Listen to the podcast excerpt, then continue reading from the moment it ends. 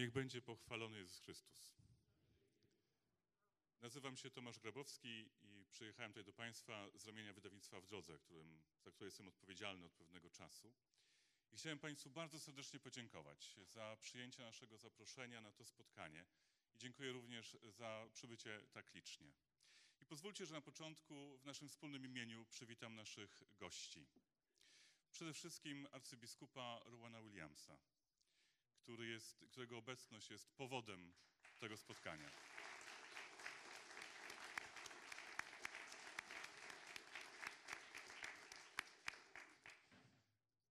Arcybiskup Rowan Williams to jest człowiek nieprzeciętny i wielkiego formatu.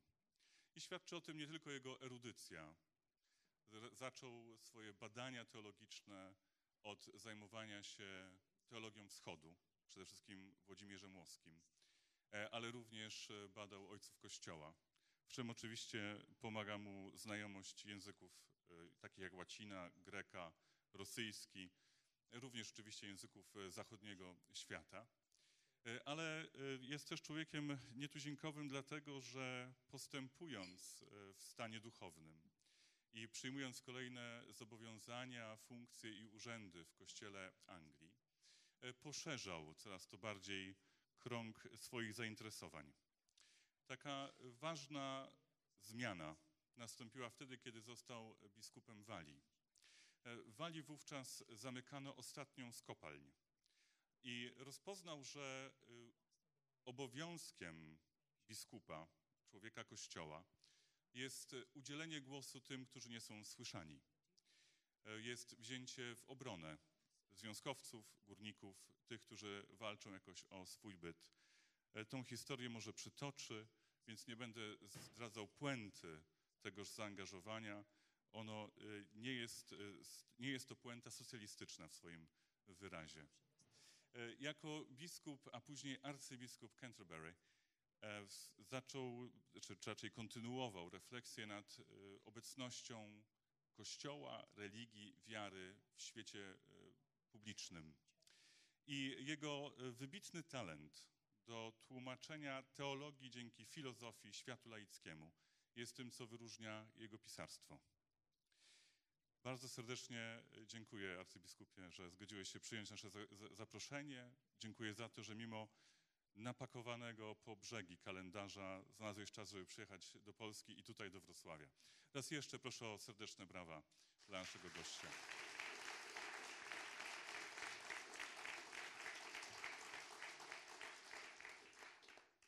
Drugim, nie mniej ważnym gościem, a byłoby pewnie bardziej poprawnie powiedzieć gospodarzem, jest ojciec Maciej Zięba, dominikanin.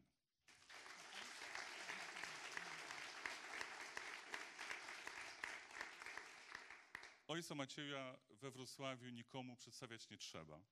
Niemniej jednak pozwólcie Państwo, że kilka słów powiem o kiedyś moim prowincjale, ale też ojcu, któremu wiele zawdzięczam osobiście, więc nie mogę sobie odmówić przyjemności i przywileju przedstawienia go tym, którzy może znają nieco gorzej.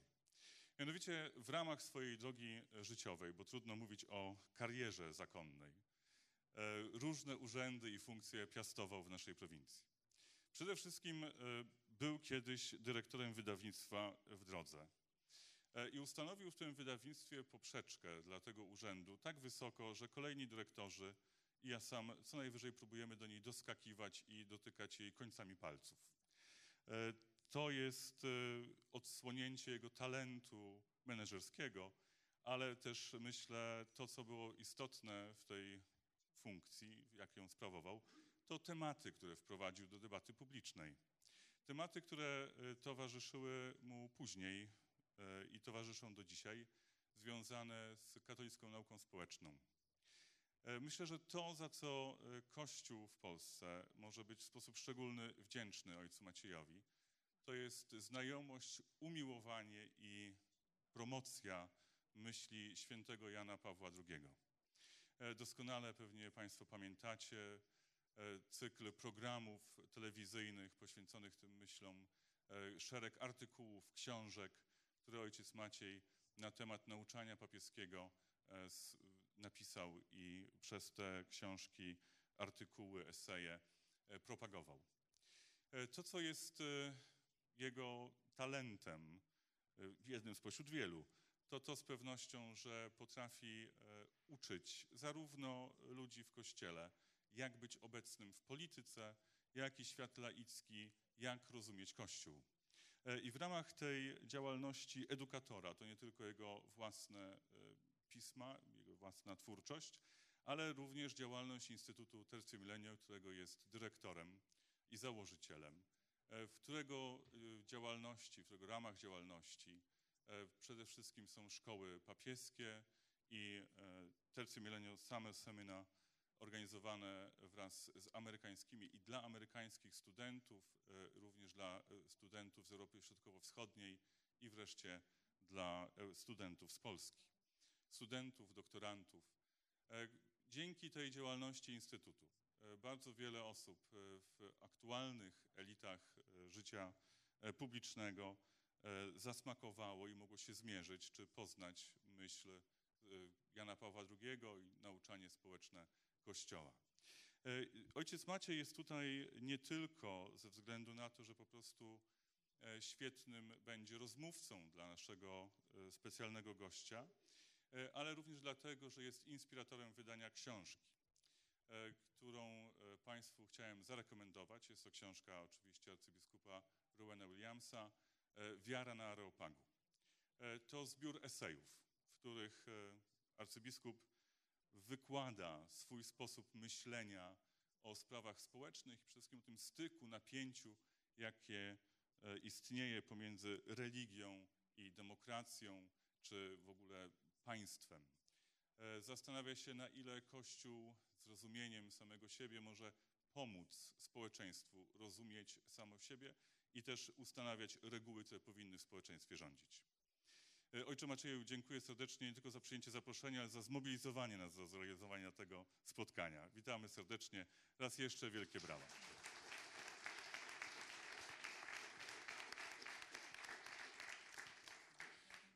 Nie chcę zabierać więcej czasu. Za chwilę oddam głos prowadzącemu e, nasze spotkanie, panu e, Radosławowi Michalskiemu, który zgodził się być właśnie prowadzącym, wieloletni współpracownik Instytutu Tercer Milenio.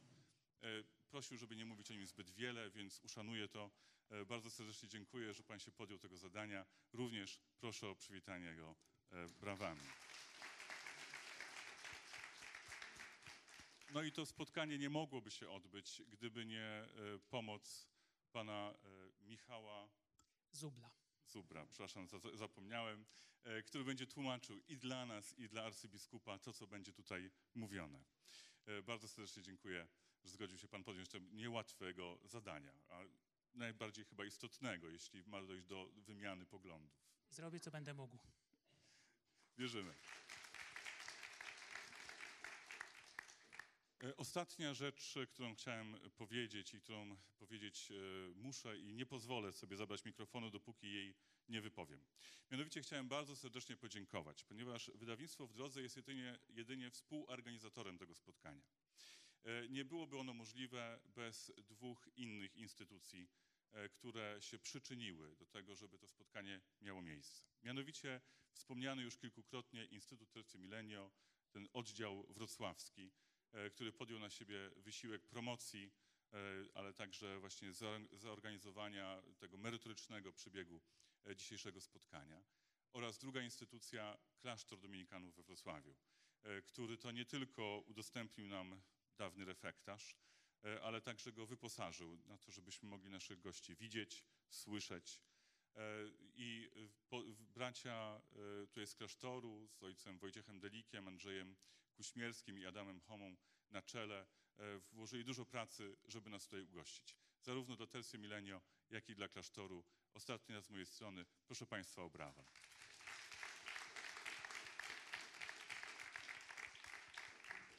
Już więcej czasu nie zabieram. Życzę dobrego, owocnego, interesującego spotkania.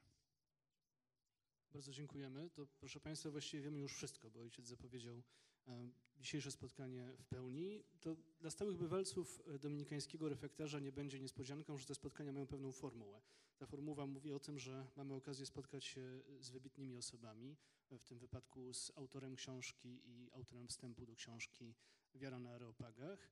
W pierwszej części poprosimy autora o słowo wstępne, opowie nam o temacie dzisiejszego spotkania, a tematem spotkania jest pytanie trochę prowokujące, a trochę takie skłaniające do refleksji, zwłaszcza w czasie Wielkiego Postu może teraz, kto jest naszym bliźnim. Po tym wprowadzeniu oddamy głos ojcu Maciejowi, który powie kilka słów swojego komentarza, później będzie czas na adwocem, jeżeli taka wola po stronie autora się pojawi. No i później jest czas dla wszystkich uczestników dzisiejszego spotkania obecnych w refektarzu. Jeżeli Państwo będą mieli pytania, to będzie okazja, żeby je zadać. Będę chodził z mikrofonem e, po sali i jeżeli ktoś z Państwa chce zadać pytanie, bardzo proszę o to, żeby wtedy podniósł rękę. Na początku się przedstawiamy, zadajemy pytanie i czekamy na odpowiedź. Wtedy w zależności od formuły, czy zbierzemy kilka pytań, czy jedno, to zobaczymy, jak nam się, jak nam się ułoży. Bardzo dziękuję za możliwość poprowadzenia tego spotkania. Zawsze bardzo miło spotkać się w dominikańskim refektarzu, miejscu, które z takiej przestrzeni klasztornej, w której zwykle się stołowało i jadało, stało się miejscem takich intelektualnych, pozytywnych konsumpcji. Mm, W takim razie, arcybiskupie, ekscelencjo, chcielibyśmy prosić o parę słów związanych z dzisiejszym tematem. Kto jest naszym bliźnim?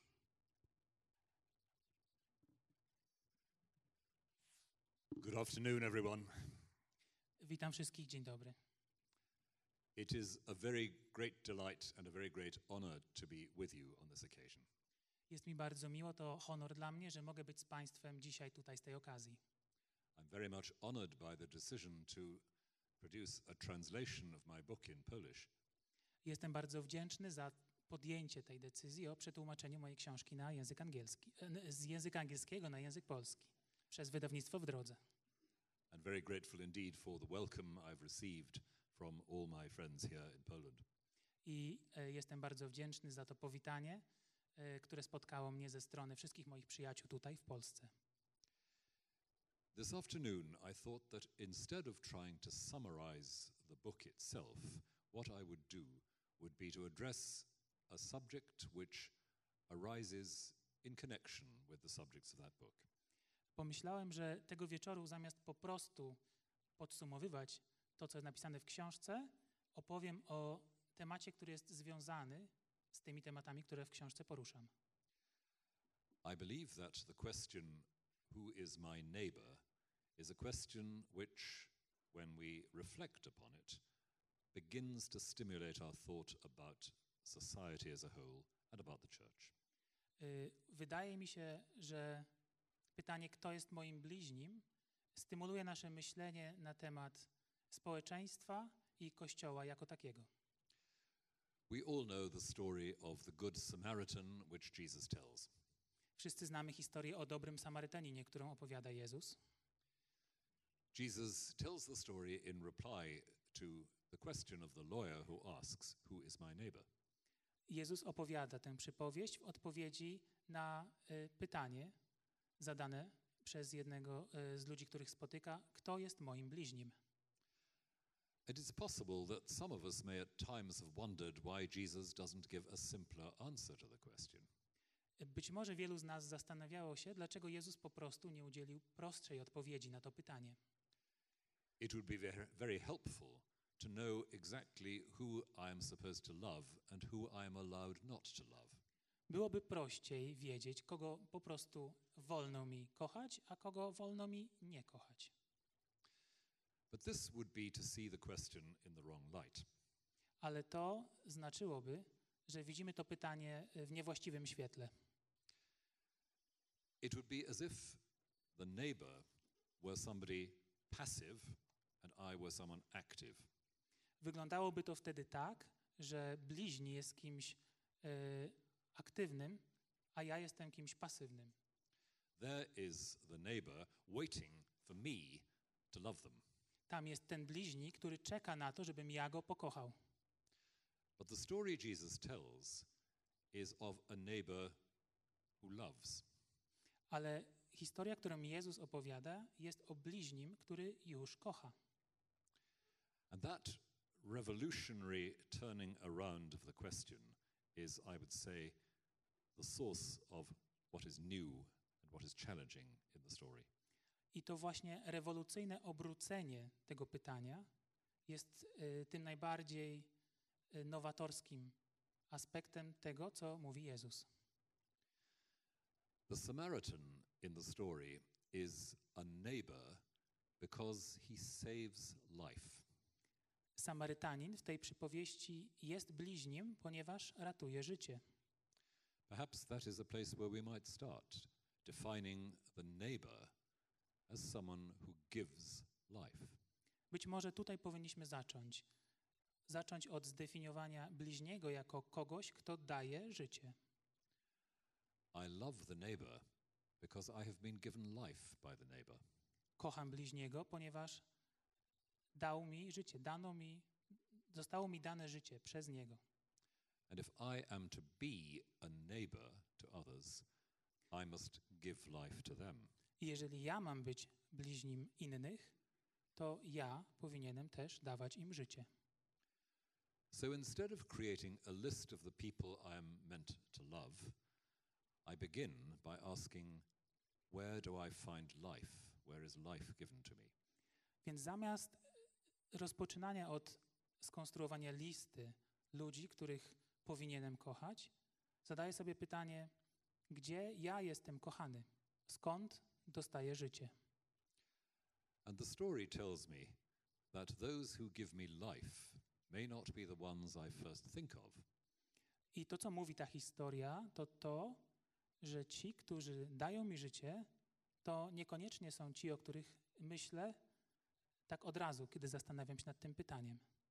It may be the person I think of as an enemy who has given me life.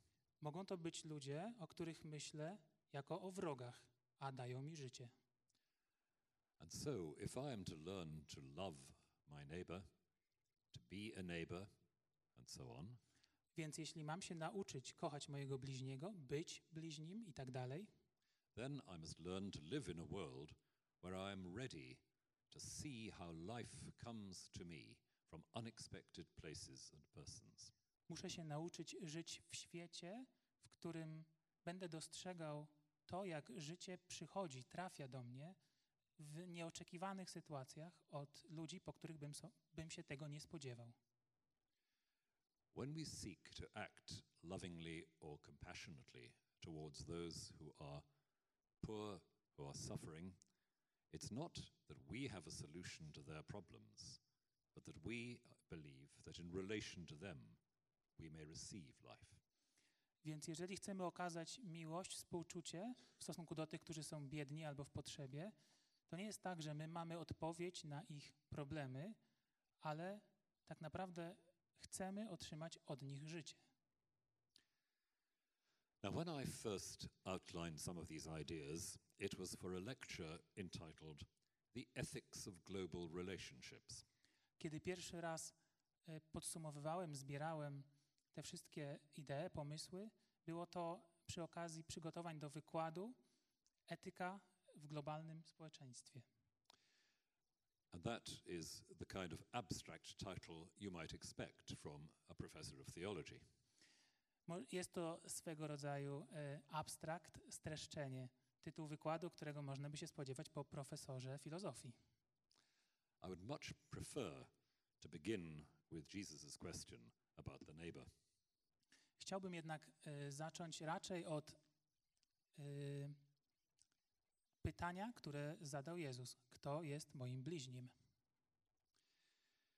But before I take this further, I want to relate it to the thought of one particular theologian. Ale zanim przejdę dalej, chciałbym połączyć to z myślą pewnego konkretnego teologa. The last time I was in this very beautiful city was for the centenary of the birth of Dietrich Bonhoeffer. Ostatni raz, kiedy byłem w tym pięknym mieście, było to na setną, z okazji setnej rocznicy urodzin Dietricha Bonhoeffera. I stood outside in the snow for the dedication of a memorial. Stałem na zewnątrz w śniegu przy okazji odsłonięcia pomnika. Bonhoeffer, towards the end of his life, was working on a book about ethics. Bonhoeffer pod koniec swojego życia pracował nad książką dotyczącą etyki. And we have fragments and essays which never became one book. i znamy fragmenty i eseje, które, e, których nigdy nie zdążył złożyć w książkę. But what becomes clear as we look at these fragments is the idea that is at the center of Bonhoeffer's thinking. I to, co y, jest jasne z tych fragmentów, które znamy, to jest idea, pomysł, który był w centrum myślenia Bonhoeffera. And that is the idea that we are called to be responsible for one another and to represent one another. I jest to idea polegająca na tym, że jesteśmy za siebie nawzajem odpowiedzialni i powinniśmy reprezentować siebie nawzajem. We are called to stand alongside the neighbor. Jesteśmy wezwani do tego, żeby stać obok naszego bliźniego, to stand with them, and in certain circumstances, to stand for them.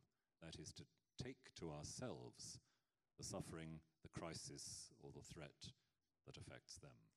Jesteśmy zobowiązani do stania również z nimi, a czasami nawet przed nimi, biorąc na siebie, do siebie to, co ich dotyka kryzysy, przerażenie, całe zło.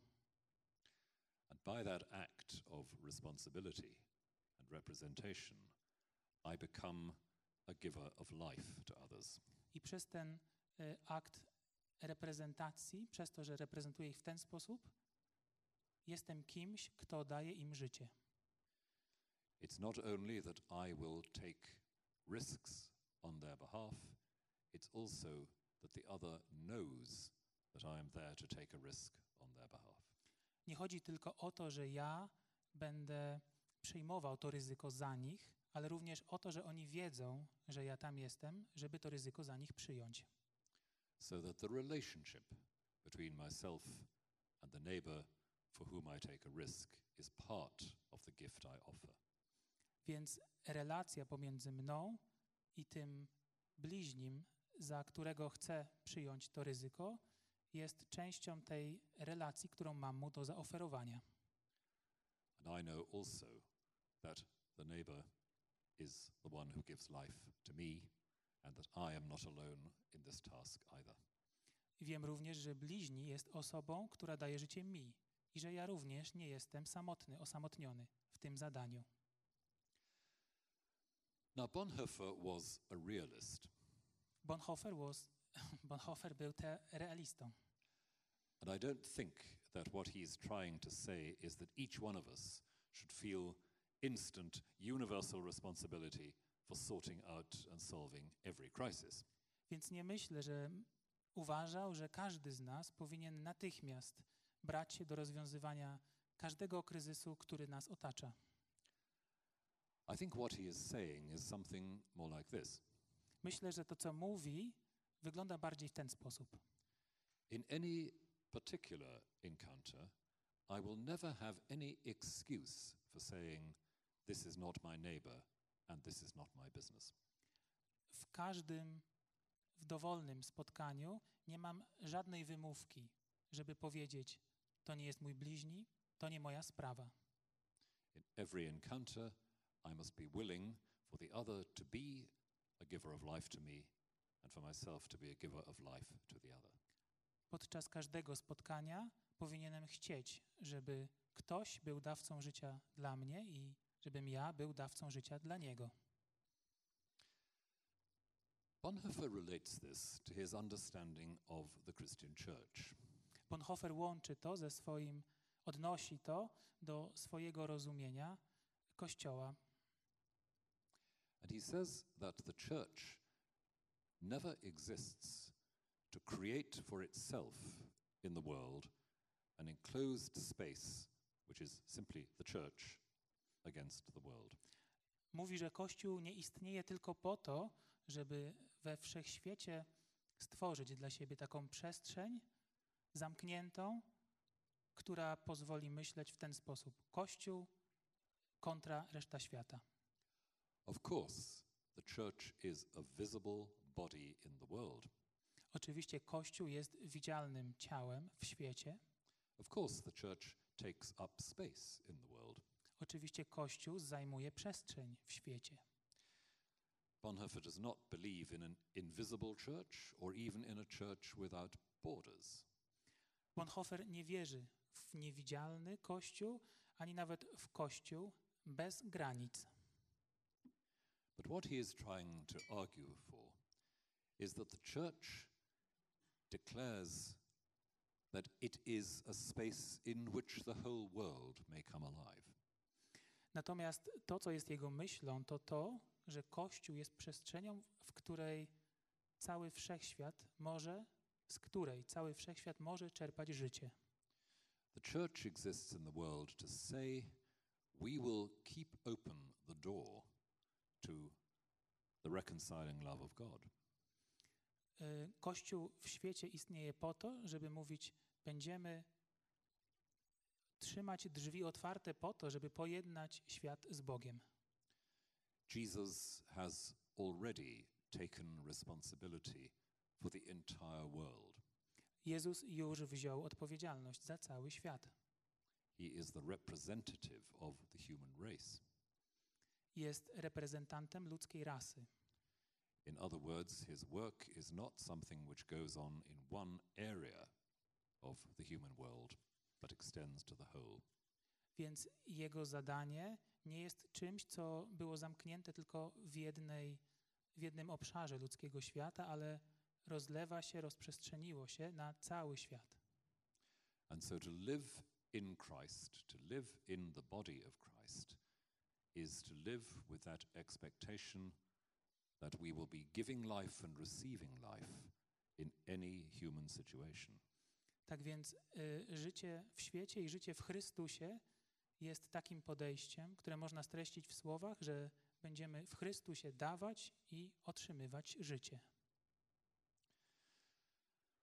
Now, this obviously leaves us with a doctrine of the church which has a very strong center, Jesteśmy więc pozostawieni z doktryną Kościoła, który ma bardzo wyraźnie zarysowane centrum.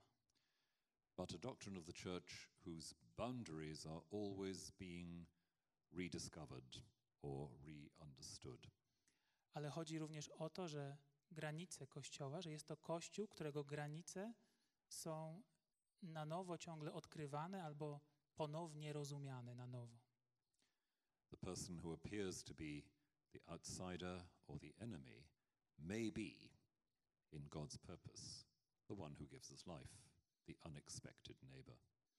A więc osoba, która wydaje mi się przeciwnikiem, wrogiem, może być w Bożym zamyśle tym, który ma dać mi życie. But it is within the church, within the body of Christ, that we see most clearly this pattern of giving and receiving life. I to jest właśnie w Kościele, to właśnie w Kościele możemy zobaczyć najjaśniej ten sposób działania polegający na dawaniu i otrzymywaniu życia w Chrystusie. The church exists so that we may learn to be neighbors. Kościół istnieje po to, żebyśmy mogli się nauczyć być bliźnimi, that we may become used to giving and receiving life, that we may understand that the very essence of the body of Christ is this giving and receiving of life. żebyśmy przyzwyczaili się do dawania życia i żebyśmy zrozumieli, że tak naprawdę esencją życia, że esencją ym, ciała Chrystusa jest to dawanie i otrzymywanie życia. And this is what St. Paul writes about in his letters, especially to the Corinthians. I o tym właśnie pisze święty Paweł w w swoich listach, szczególnie w liście do Koryntian. He speaks about the spending of his own life for the sake of his neighbors in the church in Corinth. Mówi o poświęcaniu swojego własnego życia y, dla swoich bliźnich w kościele w Koryncie. He speaks to them of their calling to be life givers to the poor Christians in Jerusalem.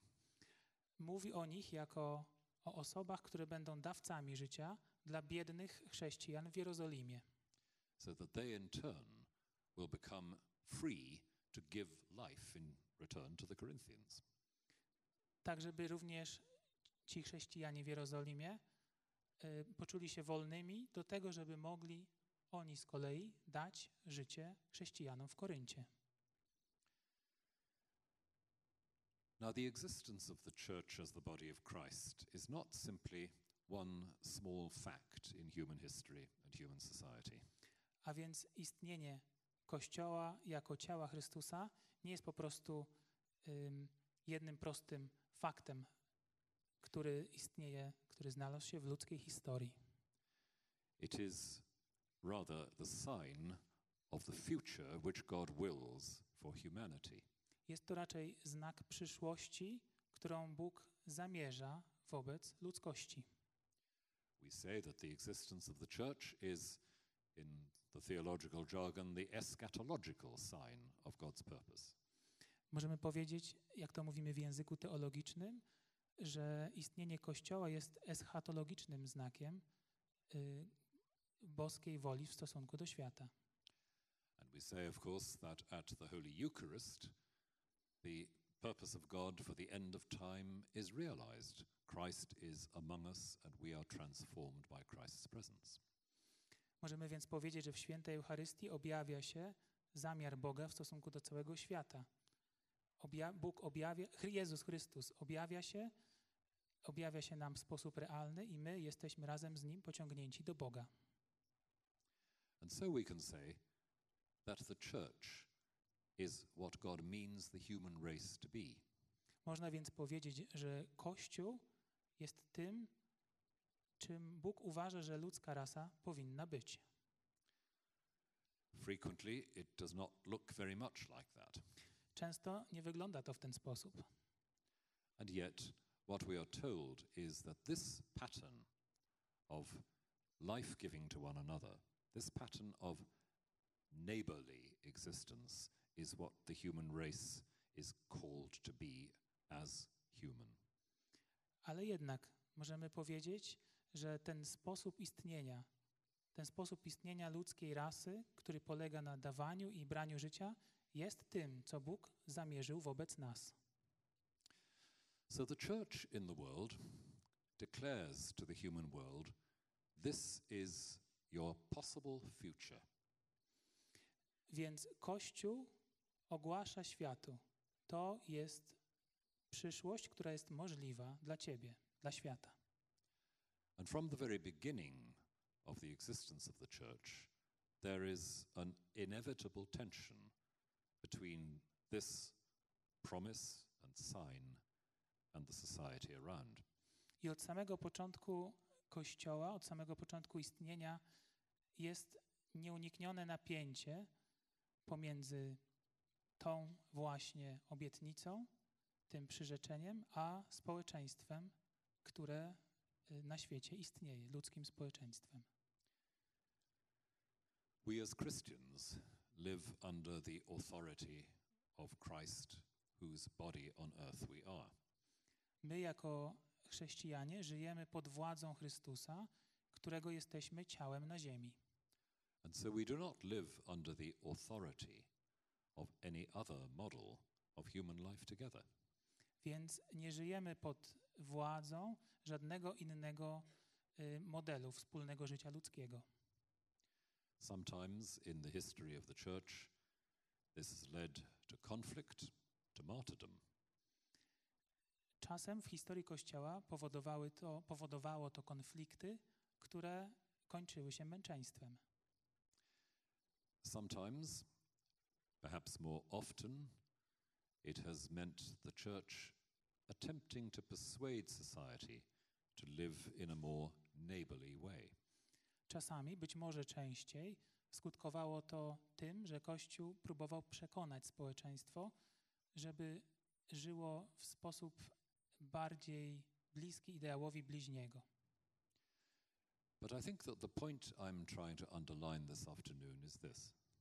Wydaje mi się jednak, że to esencja tego, co chcę powiedzieć, jest następująca.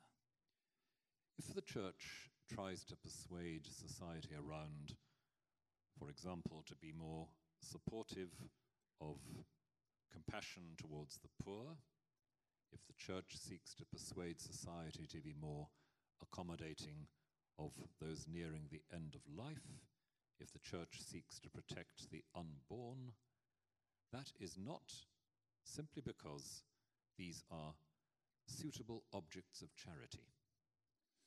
Tak więc, jeżeli Kościół stara się przekonać społeczeństwo do większej troski o ludzi w potrzebie, o tych, którzy zbliżają się do końca życia, albo o nienarodzonych, nie chodzi w tym tylko o to, że wszystkie te osoby są y, doskonałym celem, któremu można by ofer, ofiar, of, zaoferować pomoc charytatywną. It comes from the conviction, the conviction which arises from the parable Jesus tells, the conviction that we never know who is the one who will give us life. Wynika to z przekonania, a to przekonanie z kolei wynika z przypowieści opowiedzianej przez Chrystusa. Przekonania mianowicie takiego, że nigdy nie wiemy, kto da nam życie. If we forget the vulnerable person, the apparently unimportant person, the person on the edge of our society, if we forget them, we cut ourselves off from life that God wishes to give. Jeżeli zapomnimy o osobach, które pozornie wydają się być społecznymi wyrzutkami, które są na marginesie naszego społeczeństwa, jeżeli myślimy o nich jako o pozornie nieważnych, to tak naprawdę sami odcinamy się od możliwości dostania życia, którą zamierzył dla nas Jezus.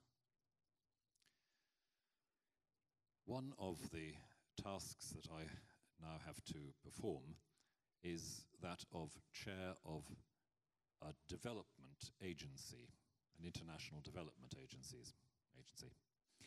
Jedne z zadań, których będę musiał podjąć się w najbliższym czasie, to przewodniczyć Agencji Rozwoju Międzynarodowego. And what we believe makes us distinctive as a Christian agency is this I to, co wydaje nam się, że czyni nas różnymi od innych tego typu organizacji, jako organizacja chrześcijańska, y, następ, można wyrazić w sposób następujący. it is that we attempt to see our work as work which will allow those we work with to become givers, to become agents. Mianowicie można to podsumować w ten sposób. Ludzi, z którymi pracujemy, widzimy jako tych, których, którym pomagamy w tym, żeby stali się tak naprawdę dawcami życia. Our work is not completed when we have solved a problem for them. Nasza praca nie kończy się wtedy, kiedy rozwiążemy dla nich, za nich problem. The work must continue in the building of a relationship, a mutual relationship that arises from that. Ta praca y, musi się musi być kontynuowana w budowaniu relacji, która przy tej okazji powstaje pomiędzy nami. And I have to tell you that sometimes that in itself creates some conflict with governments and other agencies who help us financially. I muszę Wam powiedzieć, że samo to czasami powoduje konflikty między rządami lub innymi agencjami, od których dostajemy fundusze. They might want to say, You've solved the problem, what else is there to do? Oni mogą powiedzieć: No przecież rozwiązaliście problem, co jeszcze jest do zrobienia? We want to say, as a Christian agency, we now want to build a relationship where we can learn and we can receive. A my możemy odpowiedzieć: Więc my, jako chrześcijańska agencja, teraz chcemy przejść do poziomu budowania relacji, w której to my możemy otrzymać, otrzymać życie. In other words, we want to create a neighborly relation. Y, Innym, inaczej mówiąc, chcemy stworzyć relację typową dla bliźnich. And in that relationship, all of us are allowed to be active, but all of us are also allowed to say, we are weak and we need each other. I w, w tej relacji wszyscy z nas y, mogą być aktywni, ale również mogą powiedzieć: Jesteśmy słabi i potrzebujemy siebie nawzajem. We live in a society which loves to think that the ideal human being is independent, autonomous. Żyjemy w społeczeństwie, które uwielbia myśleć, że idealny człowiek, idealna istota ludzka jest niezależna i autonomiczna.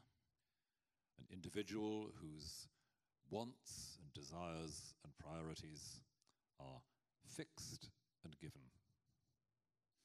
Y, Jest to jednostka, której ym, pomysły, idee, dążenia, pożądania są ym, określone i dane. The Christian says we are all of us always dependent on one another. A chrześcijanie mówią, wszyscy jesteśmy zawsze zależni od siebie nawzajem.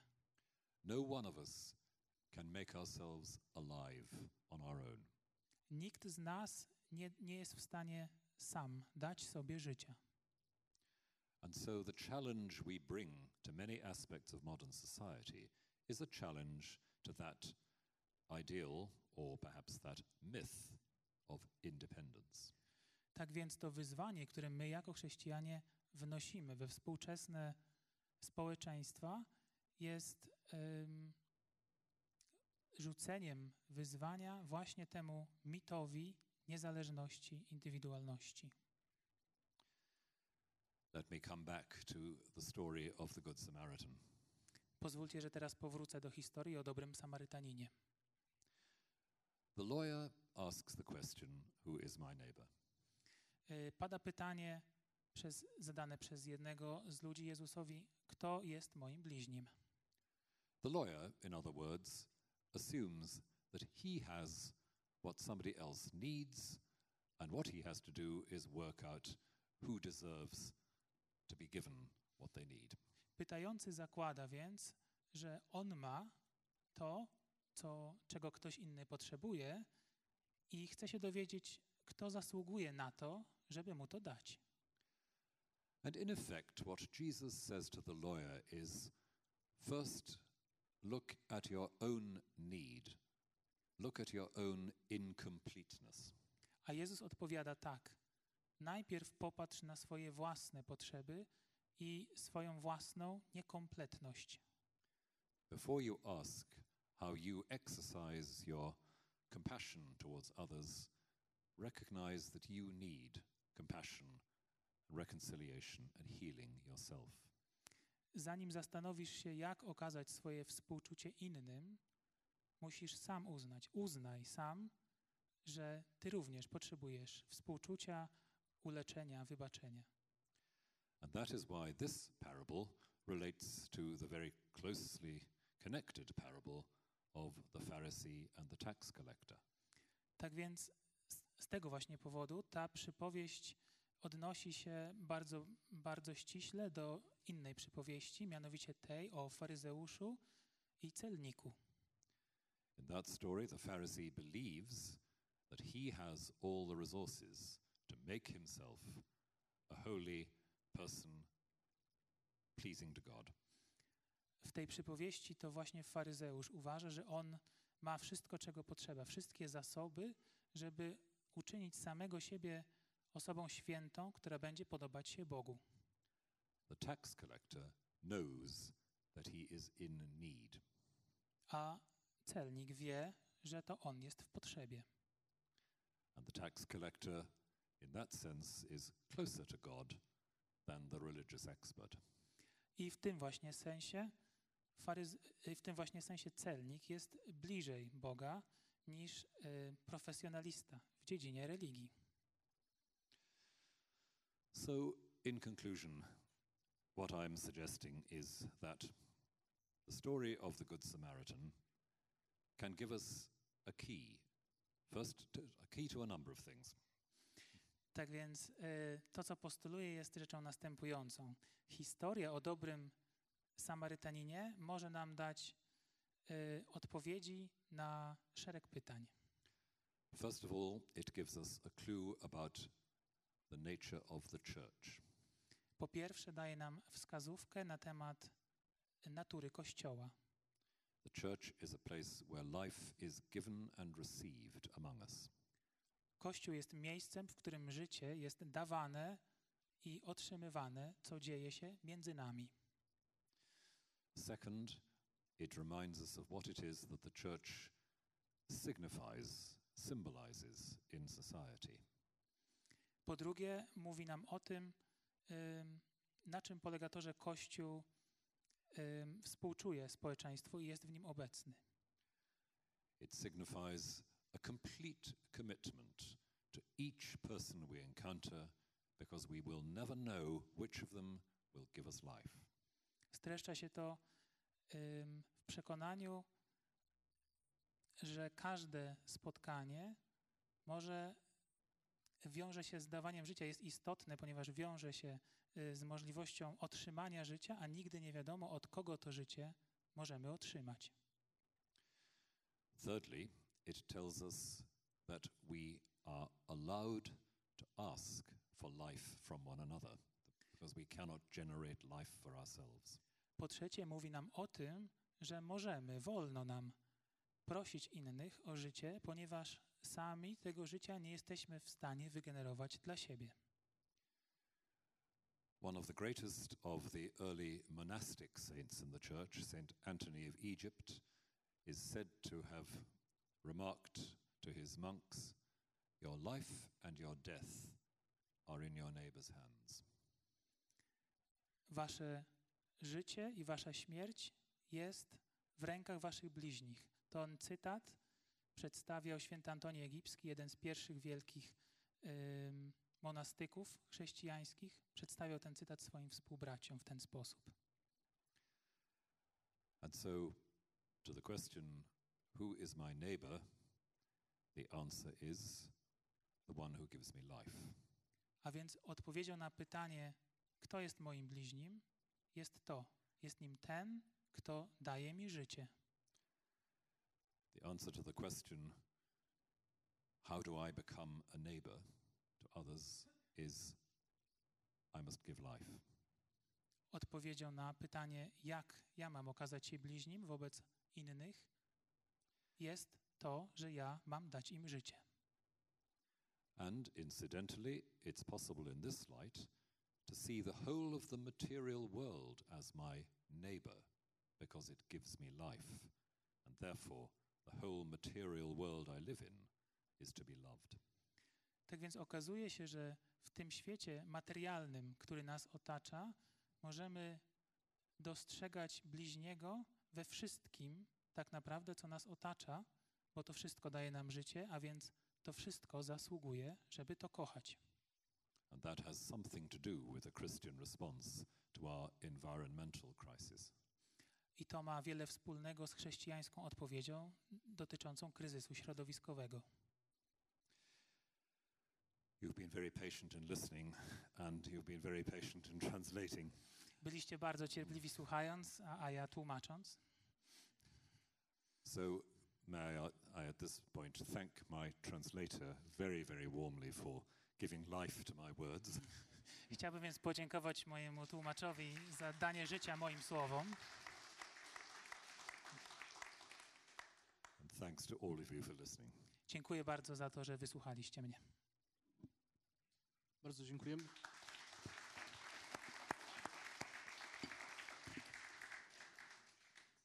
Bardzo dziękujemy za tę pierwszą część wprowadzenia i teraz chcemy posłuchać ojca Macieja, który dołoży kilka słów komentarza, może pytań do wystąpienia ekscelencji. Na razie miałem przygotować glosę, więc, więc to będzie glosa skonstruowana w, w dwóch części, bo tak rozumiem zaproszenie wydawnictwa. Najpierw rozważenie pisma, właśnie kontekst Pisma Świętego, a potem próba jednak zaaplikowania tego w polski kontekst, bo tutaj właśnie no, myślę też, żeby te rozważania o bliźnich nie były na poziomie wyłącznie ogólnym, generalnym i abstrakcyjnym zarazem. Sam termin bliźni trzeba by rozważyć. W Piśmie Świętym tak naprawdę zresztą zmienia swoje znaczenie i początkowo ma takie bardziej, powiedziałem, anglosaskie znaczenie, bo neighbor, prawda, angielskie to od Gebur, blisko mieszkający jest, pochodzi. i raczej w początkowych właśnie i hebrajskie rea, i hoplezion greckie, i potem vulgacie proximus, te terminy podkreślają bliskość geograficzną, współmieszkaniec, blisko mieszkający. Ale to się zmienia. To się zmienia właśnie i coraz bardziej przesuwa się w stronę powiązania relacji, ale zarazem wyłączania z relacji. I po powrocie z niewoli babilońskiej to w zasadzie zawęż będzie tylko do Żydów i prozelitów, czyli cudzoziemców, którzy przybyszy, którzy zgodzili się obrzezać i żyć według prawa. A reszta to już są poganie, są wyłączeni, a w czasach Pana Jezusa już mamy nawet sytuację, gdzie wierzący w Boga Izraela też są wyłączeni z pojęcia bliźni. To właśnie Samarytanie, o których rzecz jasna jeszcze trzeba będzie powiedzieć parę słów. To są y, grzesznicy, jak celnicy, którzy nie zachowują wymogów, tych 613 wymogów prawa i tak zwany Amharyc, lud ziemi, czyli wielu Żydów, wieśniaków, nieuczonych, traktowanych prymitywnie jako kmiotków przez warstwy uczone, którzy też nie uważają, się, że poczucie więzi między nimi istnieje. Także pojęcie bliźni jest dosyć wąsko pojmowane, można powiedzieć. No i wtedy wchodzimy w czas biblijny, i, znaczy czas Nowego Testamentu, kiedy pada to pytanie, na którym się będziemy, zastanawiamy się wszyscy, kto jest moim bliźnim. I chwileczkę kontekst, kto jest moim bliźnim. Po pierwsze, pyta się o to uczony w prawie i on mówi, kontekst jest, pyta o zbawienie. Więc to jest ważny kontekst, bo on mówi, co mam uczynić, żeby otrzymać życie wieczne. Polskie tłumaczenie nie jest tak jednoznaczne jak oryginał, który podkreśla jednorazowość. Jaki czyn mam wykonać, żebym dostał zbawienie? Na co odpowiada uczony w piśmie, zszywając Księgę Powtórzonego Prawa i Kapłańską, dwa nakazy, miłości Boga i bliźniego. Ale doda, i to też podkreślę, bo do tego chciałbym wrócić, doda do tych przykazania, żeby miłować Boga bliźniego z całego serca, z całej siły, z całej mocy, również z całym swoim umysłem. To jest ważne, to jest, to jest dodatek, suplement, który yy, słyszymy właśnie zapisany w Ewangelii Łukaszowej. I w innych Ewangeliach też to się pojawia, dodatek i całym swoim umysłem. Pan Jezus odpowiada, dobrze się odpowiedział, to jest słuszny kierunek myślenia, ale odpowiada też jak gdyby no, z korektą, może nie polemiką, ale korektą. Idź i ty czyń podobnie. Czyń wielokrotnie. Nie jednorazowo, ale masz zadanie, to jest forma życia, którą powinieneś uprawiać. Na co uczony w prawie trochę odsuwa problem, właśnie jak to jest moim bliźnim. A pod spodem jest pytanie chyba też wyraźnie widoczne, a kto nie jest moim bliźnim? Kogo nie muszę kochać? Do której grupy ograniczyć się mogę? No i wtedy słyszę przypowieść. A przypowieść ma właśnie parę osób dramatu. Pierwszą jest człowiek jako taki, antropostis, pewien człowiek. To jest ogólnie i to też ważne, moment uniwersalistyczny się pojawia. To jest pewien człowiek po prostu. Na co, na co mamy kapłana i lewitę, którzy wracają z służby świątynnej z Jerozolimy do Jericha w dół. To jest taka długa droga i mocno w dół właśnie. Wracających, no pewnie właśnie spełnili swój dyżur, już spełnili i wracają, mijają, jak wiemy, tego człowieka. I Samarytanina. Teraz bardzo ważna postać. No i tutaj trzeba dodać właśnie o Samarytanach, że oni, znaczy antagonizm był od VIII wieku, kiedy Asyria podbiła Izrael, narastający. A Samarytanie nie poddawali się oczyszczeniu, zbudowali swoją świątynię na górze Garizim i Żydzi zaczęli z nimi coraz bardziej pogardzać. Y, król żydowski w II wieku burzy świątynię Garizim, co powoduje ogromną nienawiść y, Samarytan, którzy, to dzisiaj nie czujemy grozy, ale już w czasach Chrystusa rozrzucili ludzkie kości w świątyni jerozolimskiej, czyli zbezcześcili w sposób najbardziej haniebny, jaki jest możliwy. Flawiusz to opisuje z ogromną odrazą.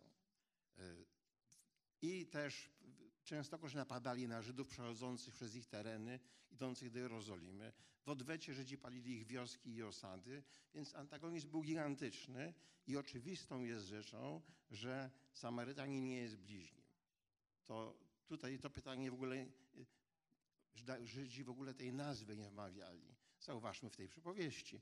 Jak pytamy się, kto okazał się bliźnim, pyta się Pan Jezus, to nie mówi Samarytanin, tylko mówi ten, który okazał mu miłosierdzie. Nazwa jest zbyt ohydna, Samarytanin.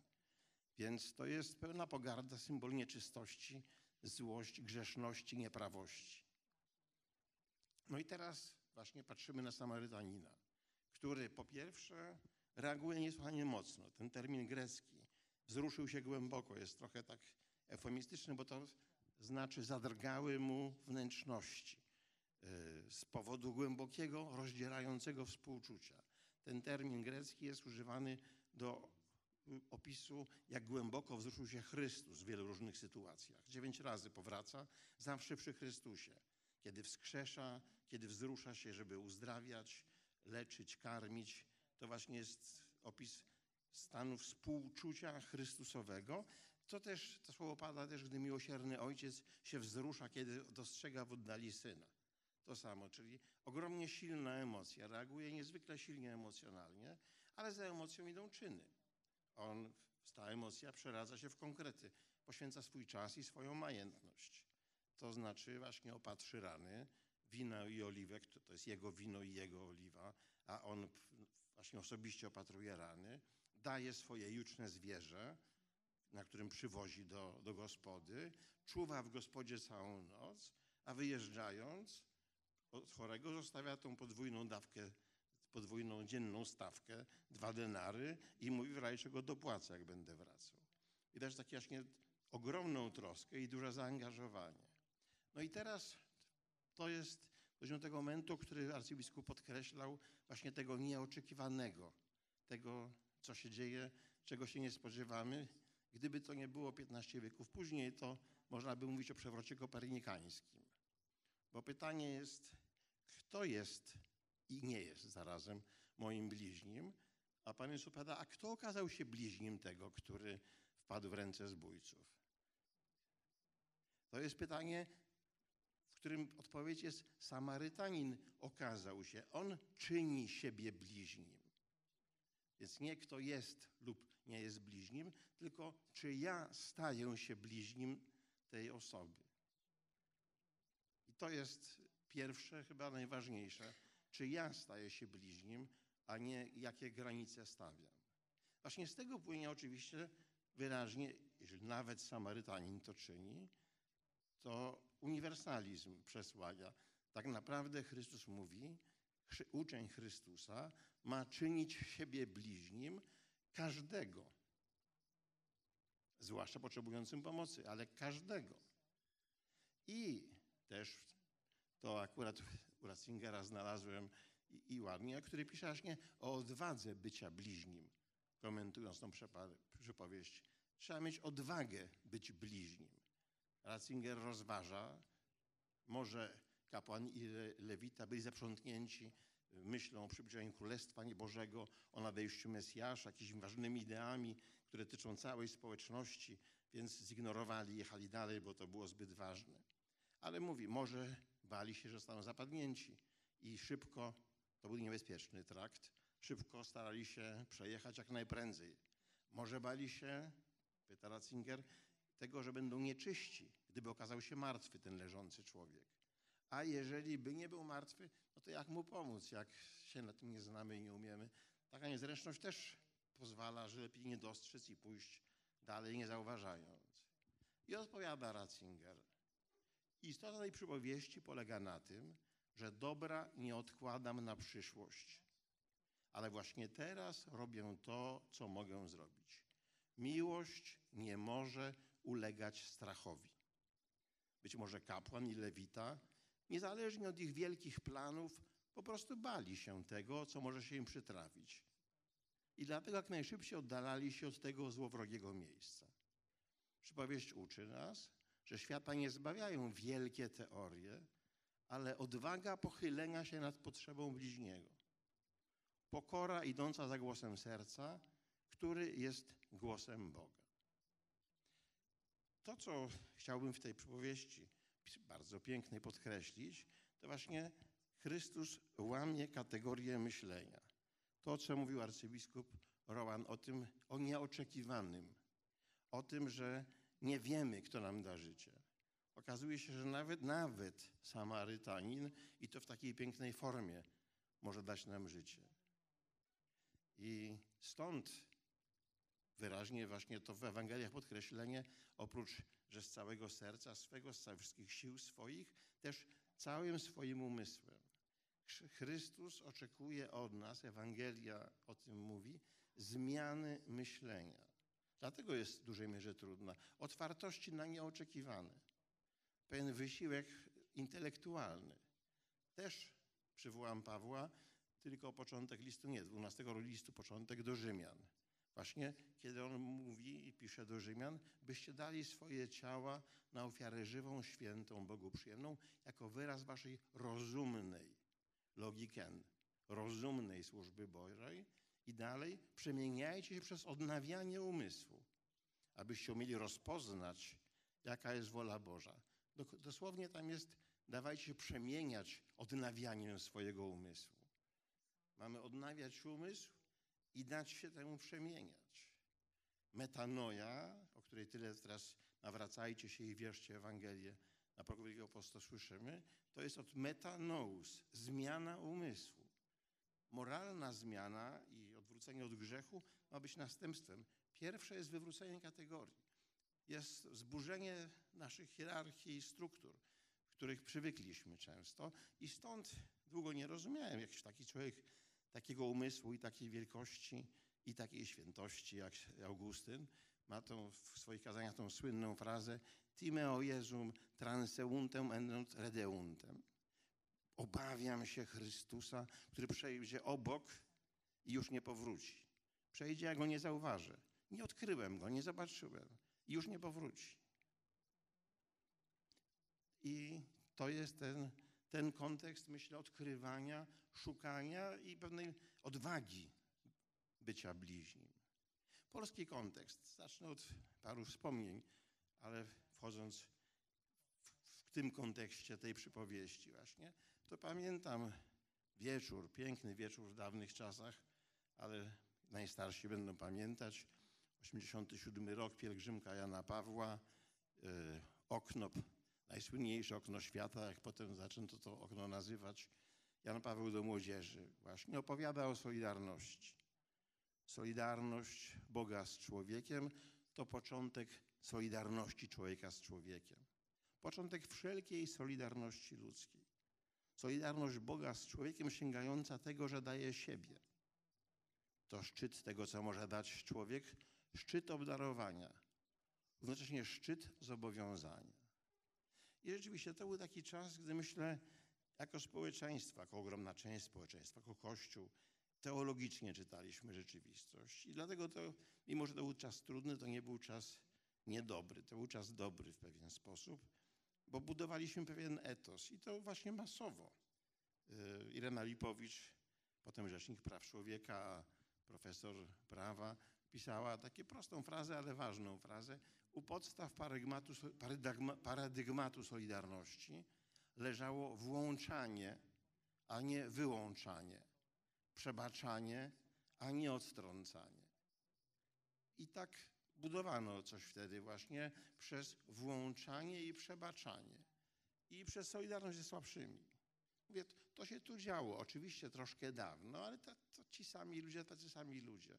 Jednak i, i, to się tu działo i przypomnę tylko takie dwa wydarzenia, bo one dzisiaj dla młodych ludzi brzmią abstrakcyjnie, niestety, ale myśl, po to, co mówię, żebyśmy te abstrakcje potrafili jakoś ukonkretniać. Jak po strajku w zajezdni na Grabiszyńskiej, co y, władza, bojąc się strajku komunikacji, bo słusznie, bo to paraliżuje całe miasto, dała duże podwyżki kierowcom autobusów, a panią, panią, bo to w większości były panie, czy prawie wszystkie, sprzątającym nie dała żadnych podwyżek. I wtedy po sierpniu 80 roku stali kierowcy, przy, stał jeden z kierowców przy tej kolejce, która odbierała wypłatę w okienku i oni to wszyscy tą nadwyżkę oddawali do kapelusza. Całą nadwyżkę tą, którą dostali, podwyżkę, a potem ją podzielono równo na wszystkich pracowników, również tych właśnie, którzy nie dostali tej podwyżki.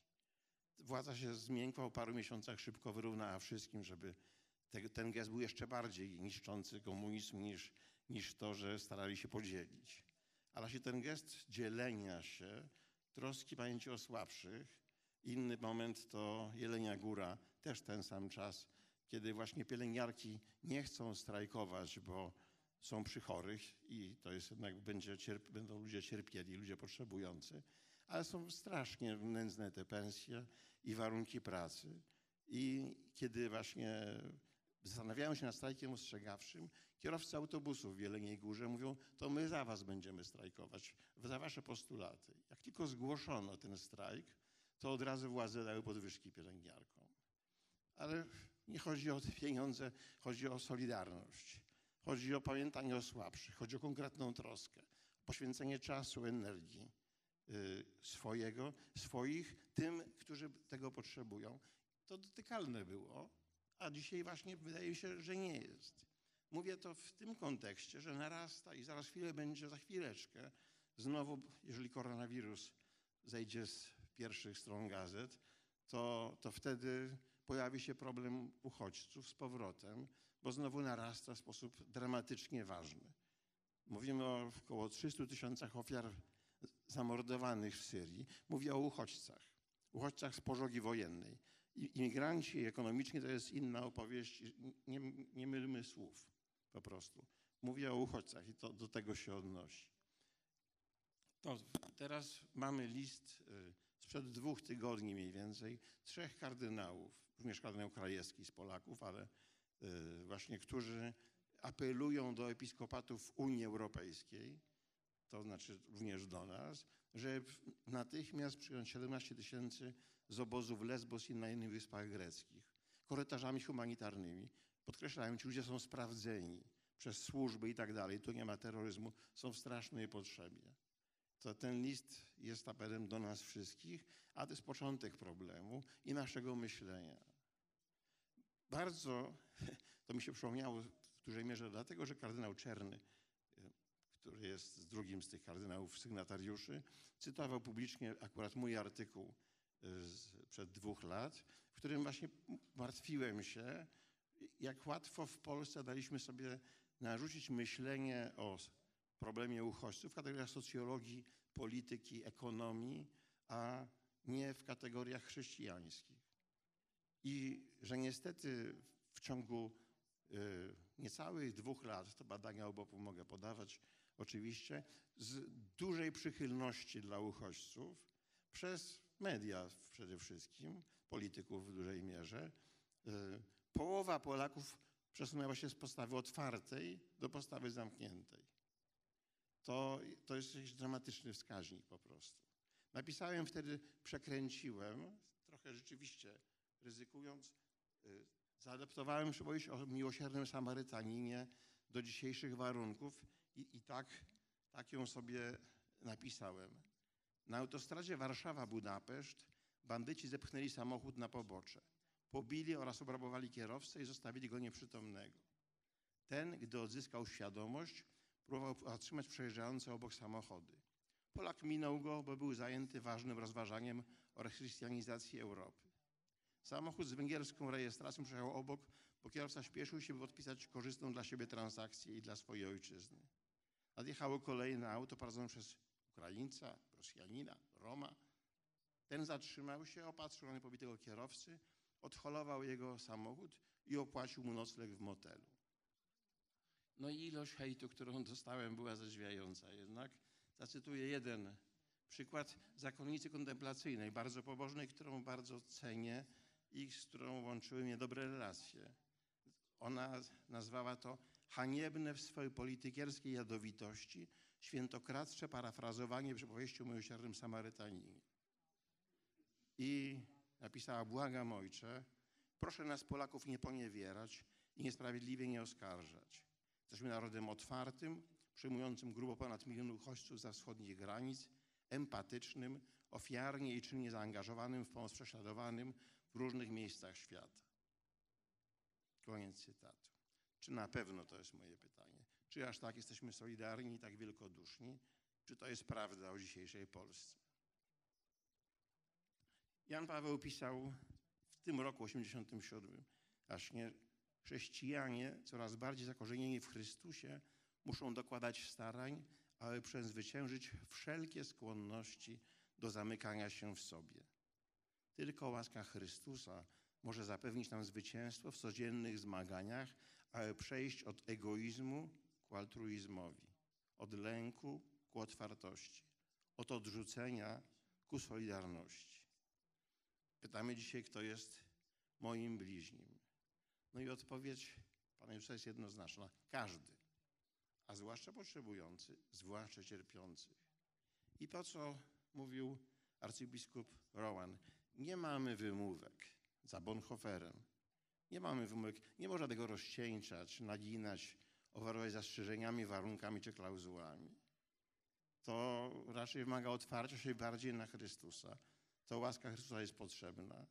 I po to to mówię, żebyśmy właśnie, tak jak Jan Paweł mówi, otworzyć się na Chrystusa, żeby to odnieść to zwycięstwo w codziennych zmaganiach, ale przejść od egoizmu ku altruizmowi, od lęku ku otwartości, od odrzucenia ku solidarności.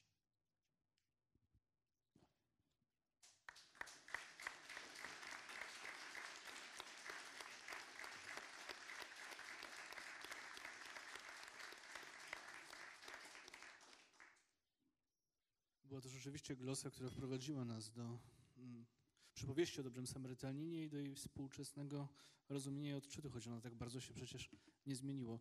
Czy ekscelencja chciałby się jakoś odnieść do słów e, ojca Macieja i dodać coś do swojej wcześniejszej? Bardzo proszę.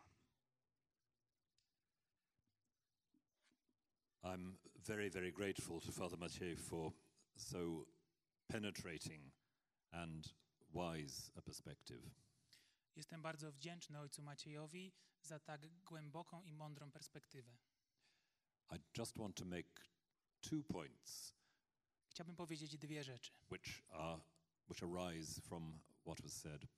One is a very abstract one, the other more concrete. e, które wynikają z tego, co ojciec powiedział. Jedna będzie bardzo abstrakcyjna, druga będzie bardzo konkretna. The more abstract point is to do with the emphasis on loving with the mind. Ta bardziej abstrakcyjna będzie tyczyła się podkreślania przez ojca Macieja tego wyrażenia kochania poprzez umysł, całym swoim umysłem. One of the things which Pope Benedict was very concerned about was to do justice to the way reason worked in human minds and in theology. Jedną z rzeczy, które bardzo podkreślał papież Benedykt, było czynienie dobra, używając do tego swojego rozumu, tak jak rozum y, jest obecny w historii i w myśli teologicznej. But I believe that in his theology, the meaning of reason is much wider than it would be in many other social contexts. Jednak y, wydaje mi się, że w rozumieniu jego teologii pojęcie rozumu było znacznie szersze niż w bardzo wielu innych społecznych kontekstach. And one of the problems we have in our culture today is a narrow mechanical view of reason and of mind. Jednym z problemów, przed którymi stoi nasza kultura obecnie, jest bardzo wąskie, takie mechaniczne pojęcie rozumu. I, I'd love to say more about that, but I think the point, the point is made. Um, let me go on to the more specific question. Chciałbym powiedzieć więcej na ten temat, ale myślę, że zrozumieliście, o co mi chodziło. Pozwólcie teraz, że przejdę do tego drugiego, do tej drugiej, bardziej szczegółowej kwestii. St. Augustine says somewhere in The City of God that the problem of injustice and oppression in society is not just the problem of the person being oppressed, it's the problem of the person who is oppressing. W mieście Boga, świętego Augustyna, mówi on w ten sposób o problemie opresji i niesprawiedliwości. Jest to nie tylko albo nie głównie problem samej opresji, ale tego, kto jest opresorem. And I think the same applies when we think about the very complex issues around migrants.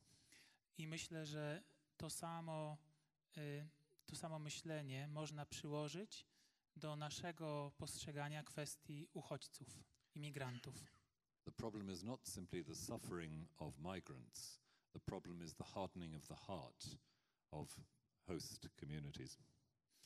Problemem jest nie tylko samo cierpienie imigrantów, ale również twardnięcie serca tych wspólnot, które miałyby ich przyjąć. To wszystko. Bardzo dziękujemy. Za chwilę jest ten moment, w którym głos oddamy Państwu tutaj obecnym.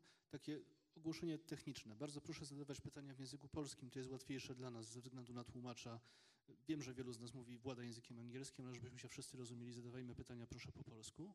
I druga uwaga, bo to spotkanie ma też trzecią część. Trzecia część będzie miała miejsce po zadawanych pytaniach i odpowiedziach, to znaczy nasz gość będzie miał możliwość podpisywania książek i te książki można nabyć na końcu na stanowisku wydawnictwa w drodze.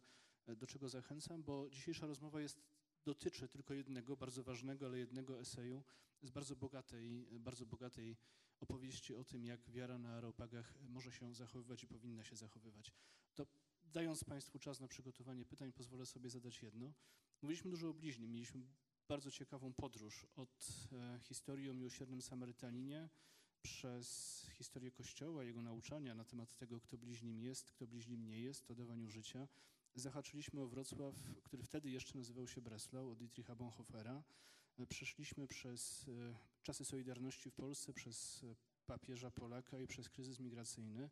Chciałem zapytać o coś takiego.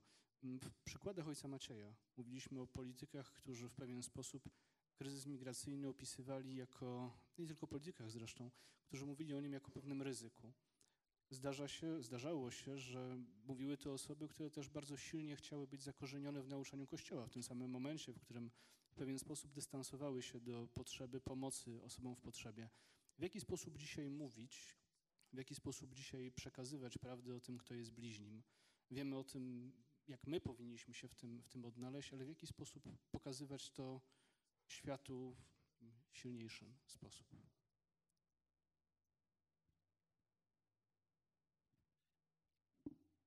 Zasada najbardziej klasyczna i zawsze e, słuszna w chrześcijaństwie verbo et exemplo. To znaczy właśnie mówiąc, głosić, proklamując, no ale dając przykład, kto jest bliźnim. No i nie, tutaj nie przywołaliśmy jeszcze jednej sceny ważnej, biblijnej bardzo, która jest też e, instruktywna. To znaczy w, i w tym temacie często się pojawia, jeżeli mówimy o uchodźcach, to jest scena sądu ostatecznego. Byłem głodny, a przyjęliście, albo nie przyjęliście, nakarmiliście. Byłem spragniony, byłem nagi, byłem przybyszem. Z tym, że tutaj znowu jest tłumaczenie nasze trochę skręca, bo ksenos może być znaczyć przybysza, ale raczej oznacza dziwny, obcy.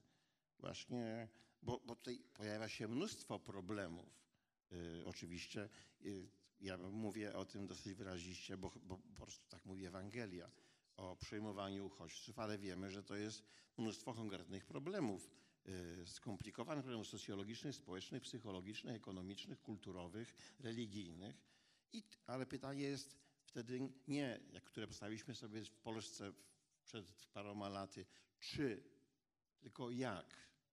Jest po pierwsze, rzeczywiście i tu trzeba, potrzeba dużej i sensownej debaty, jak robić to mądrze, sensownie, żeby trafiało to do nich, żeby to ludziom tłumaczyło. Właśnie og- ogromnie brakuje nam, y, to Dominikanie, którzy mają najdłuższą ciągłą demokrację świata, dobrze wiedzą, a nam jako społeczeństwu brakuje. Anglicy może też lepiej trochę wiedzą, bo mają długą demokrację. Nie tak długą jak Dominikanie, bo u nas jest 1216 zaczęliśmy. Ale demokracja polega na debacie, na rozmowie. Cały czas trzeba rozmawiać. I jeżeli tej rozmowy brakuje, próbuje się narzucić nawet dobre rozwiązania, to uzyskuje się efekty przeciwne. Ja tu przywołuję często, bo to były takie dla mnie ważne rozmowy, w podobnym temacie z Markiem, już świętej pamięci Markiem Kotańskim, który zakładał, prawda, te, y, w 90 latach można było już w Polsce zakładać takie te przytułki czy, czy takie schroniska dla chorych na AIDS. I dostawał najczęściej jakieś stare przedszkole w małej miejscowości czy coś takiego i y, chciał to adaptować. Po chwili pojawiały się na murach napisy won, nie chcemy tu uciekać stamtąd od nas, zarażą wszystkich, zniszczą. I powiedziałbym, sporo część prasy opisywała wtedy z pewną lubością, proszę, katolicka Polska, katolicka miejscowość, wszyscy w niedzielę do kościoła, a tu proszę takie napisy. A on mówi, że zrozumiał wtedy i właśnie no, pamiętam naszą rozmowę, bo ja tam też się wtedy angażowałem w to jakoś, że najpierw do tej miejscowości przyjechać, porozmawiać z księdzem, porozmawiać z nauczycielem czy nauczycielami, którzy tam są, z sołtysem, porozmawiać z aptekarzem, jak jest apteka, czy kimś innym, ludźmi, którzy tworzą tą strukturę społeczną, ważni w strukturze społecznej, z nimi porozmawiać wszystkimi, a potem zrobić zebranie otwarte mieszkańców. I na tym zebraniu mieszkańcy krzyczeli, że to chorzy zarażą. On tłumaczył, autorytety go wspierały i potem już skończyły się incydenty, skończyła się, skończył się problem. Więc myślę, że to na tym też polega, że, że my musimy dużo rozmawiać, jak. Ale właśnie jak się przybliży konkretne historie, znaczy konkretną twarz bliźniego, konkretną potrzebę, a nie abstrakcyjni uchodźcy, jeszcze właśnie podszywani strachem, że to pod spodem mogą być terroryści. Każdy się boi. I lęki są naturalne i trzeba te lęki zrozumieć i uszanować, ale przezwyciężyć. Właśnie dlatego, to mi się podoba to u Ratzingera, trzeba mieć odwagę bycia bliźnim.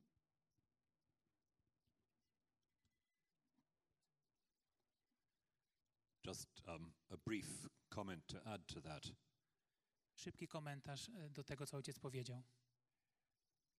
The worst thing that we can imagine, I think, is a situation where people have come to believe there is only one way in which they can respond to a crisis.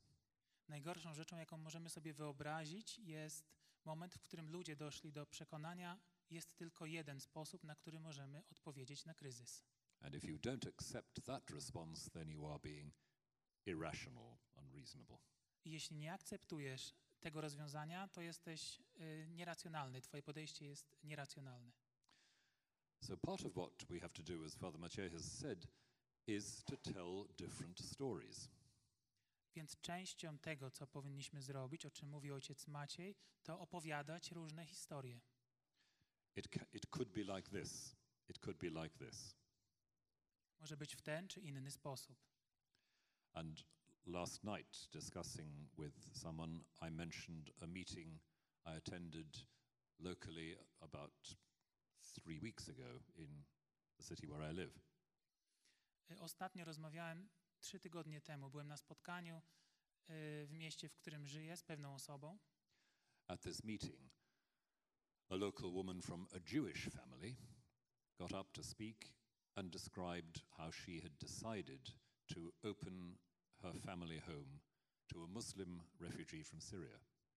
I na tym spotkaniu jedna z kobiet, która należała do żydowskiej wspólnoty religijnej, wstała i powiedziała, y, jak, co ją spotkało, jak doszła do tego, żeby otworzyć swój dom, żydowski dom, dla muzułmańskich uchodźców z Syrii. And in a way, all she needed to do was to tell that story. I e, tak naprawdę wszystko, co miała do zrobienia tego wieczoru, to było po prostu opowiedzieć tą historię. To say, look, this also is possible. Żeby pokazać, popatrzcie, to też jest możliwe. W ramach możliwości, jeżeli ktoś z Państwa chce zadać pytanie, bardzo proszę, żeby podniósł rękę. I postaramy się zebrać może dwa, trzy pytania i wtedy odpowiedzieć na nie wspólnie, żebyśmy nie chodzili.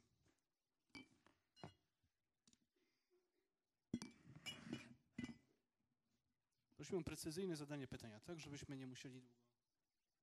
E, Ja chciałem przede wszystkim do księdza arcybiskupa zadać pytanie z etyki. Czy płód nienarodzony jest moim bliźnim? Dobrze, czy ktoś z Państwa jeszcze. To jeżeli na tę chwilę nie mamy, to bardzo proszę. Może zaczniemy od. Co? Tak się jeszcze rozglądam, czy ktoś spróbuje. Dobrze, to mamy drugie do zebrania. Nie wiem, czy to będzie pytanie, ale może, może to w tym się też jakieś pytanie mieści. Znaczy, bo dość ciekawe jest tej przypowieści o miło- miłosiernym Samarytaninie, że my, że Jezus, y, że tam było pytanie, kto jest moim bliźnim i w zasadzie my o tym bliźnim nic nie wiemy, poza tym, że on leżał, y, był poszkodowany, pobity i czekał na pomoc. Ale nie wiemy, czy on był na przykład Żydem, czy Samarytaninem, czy był... Nic, nic o nim nie wiem. Wiemy, że kto, ktoś to był, tak? To jest dość, dość ciekawe, czyli jakby to takie szerokie e, już e, e, otwarcie na bliźniego tutaj się w tym mieści. No, ten, ten, kto pomógł, czyli Samary, Samarytanin, no, zachował się bardzo, bardzo dobrze. Czy był wierzący? Być może tak, bo, bo, bo wędrował do Jerozolimy, więc być może był człowiekiem wierzącym. Tego, tego też nie wiemy. Natomiast no, w przypadku mm, e, Lewity i kapłana możemy powiedzieć, że oni być może zachowali się rozsądnie, bo, bo nie chcieli ryzykować na przykład swojej czystości rytualnej. Natomiast no, nie można im odmówić jakiejś postawy serca. Może sprawdzili, czy on żyje, czy nie żyje, stwierdzili, że żyje, więc ktoś, ktoś tam pomoże, tak? E, Natomiast no, tutaj sprawa wymagała pomocy takiej jakby natychmiastowej i tylko tej udzielił właśnie ten Samarytanin. Także czasami liczy się postawa, nie tylko postawa serca, ale też jakby taki odruch, prawda? E, Bóg tego czasami wymaga. No, Jan Paweł II zaczął e, swój pontyfikat od e, nie lękajcie się, tak? To było dość znamienne słowo. On właśnie dotyczy takiej relacji z Bogiem, kiedy tam jakiś anioł, prawda, obwieszcza coś ważnego, ale jakby tutaj, no to właśnie wydaje mi się, że, to, że- tutaj w- e, ta, ta pomoc wymagała też przezwyciężenia tego lęku. E, Lęku właśnie przed drugim, spotkaniem z drugim człowiekiem i pom, pomożenia mu, tak? Także to, to jest, no nie wiem, czy to jest pytanie, to właściwie no nie mam pytań, ale czy, czy, ja, czy ja dobrze to interpretuję, może takie pytanie. Dziękujemy. Czy ktoś z Państwa jeszcze? Pani tutaj? Dobrze. Y, Bardzo krótko, bo powstało szereg instytucji już od y, długiego czasu, które y, jakby y, tą pomoc świadczą na różnych polach. To jest, mm, mm, czy to w pewien sposób nie zdejmuje z nas, indywidualnych ludzi, odpowiedzialności? Bo myślimy, przecież zajmie się tym ta fundacja, to stowarzyszenie, ten rząd, ten poseł, ten senator i tak dalej. A czy ta, to zadanie nie jest jednak skierowane nie do instytucji, ale do y, człowieka y, pojedynczego? Dziękuję. To jeszcze jedno pytanie tutaj. Dziękuję bardzo.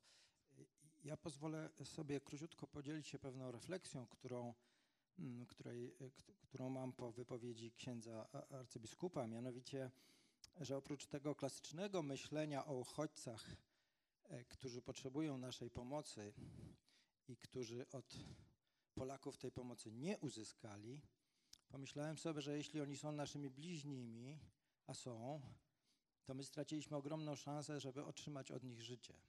Nie dostaliśmy tego życia, odmówiliśmy sobie tego życia, które oni dla nas niosą.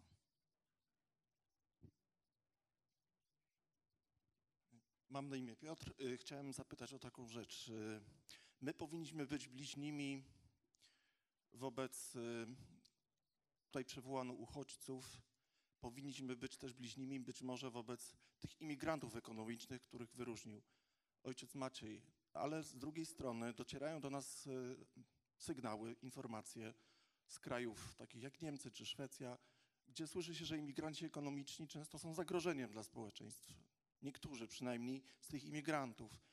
I teraz pytanie, jak być bliźnim wobec takich osób, które nam źle życzą, które, które są tymi zbójcami, które na nas napadają na drodze.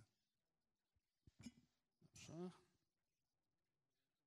Ja jeszcze mam y, dwa krótkie pytania. Y, Pierwsze pytanie y, dotyczy misji ewangelizacyjnej Kościoła. Czy w kontekście tego wszystkiego, co usłyszeliśmy, można zaryzykować tezę, że problem y, słuchania wszystkich denominacji chrześcijańskich w świecie, czyli kryzysu wiary, jest również kryzysem w tym sensie, że my jako denominacje chrześcijańskie e, nie słuchamy świata i nie słuchamy tego, czym świat obecnie żyje, nie potrafimy zrozumieć, zinterpretować tych problemów. I drugie pytanie. Kilka lat temu papież Benedykt XVI stworzył e, ordynariaty dla e, Anglikanów, e, a w grudniu zeszłego roku mieliśmy bardzo ciekawą konwersję arcybiskupa Gavina Ashendina, jeśli dobrze pamiętam nazwisko.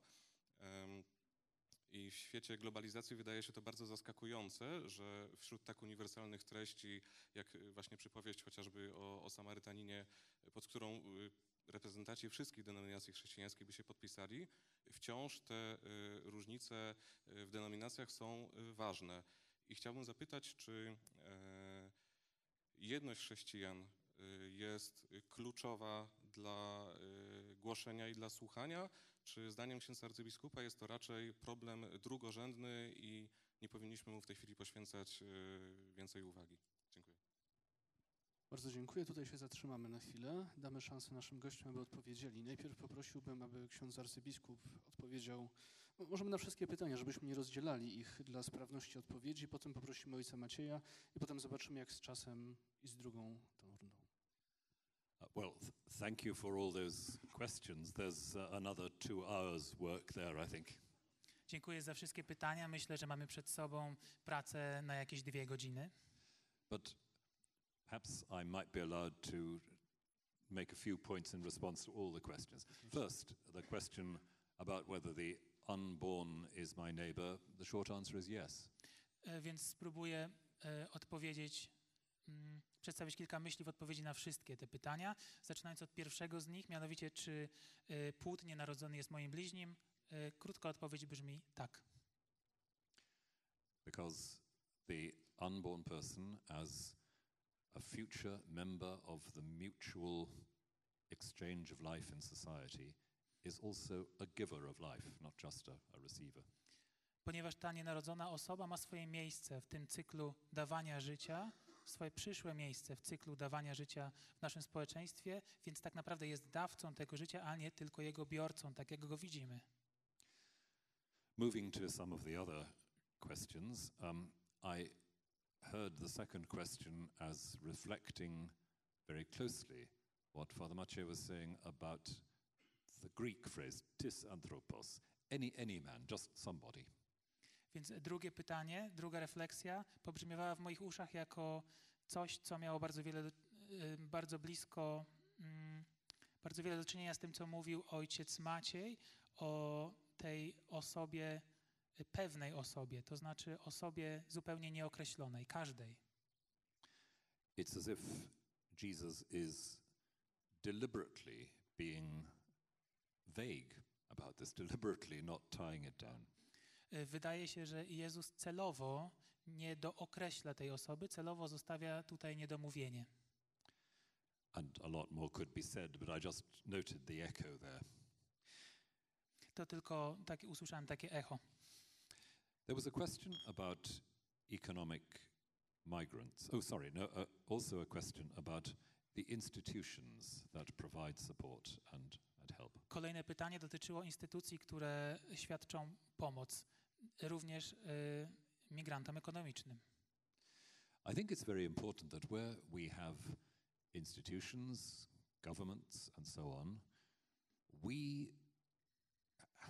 we support them in what we believe is right for them to do.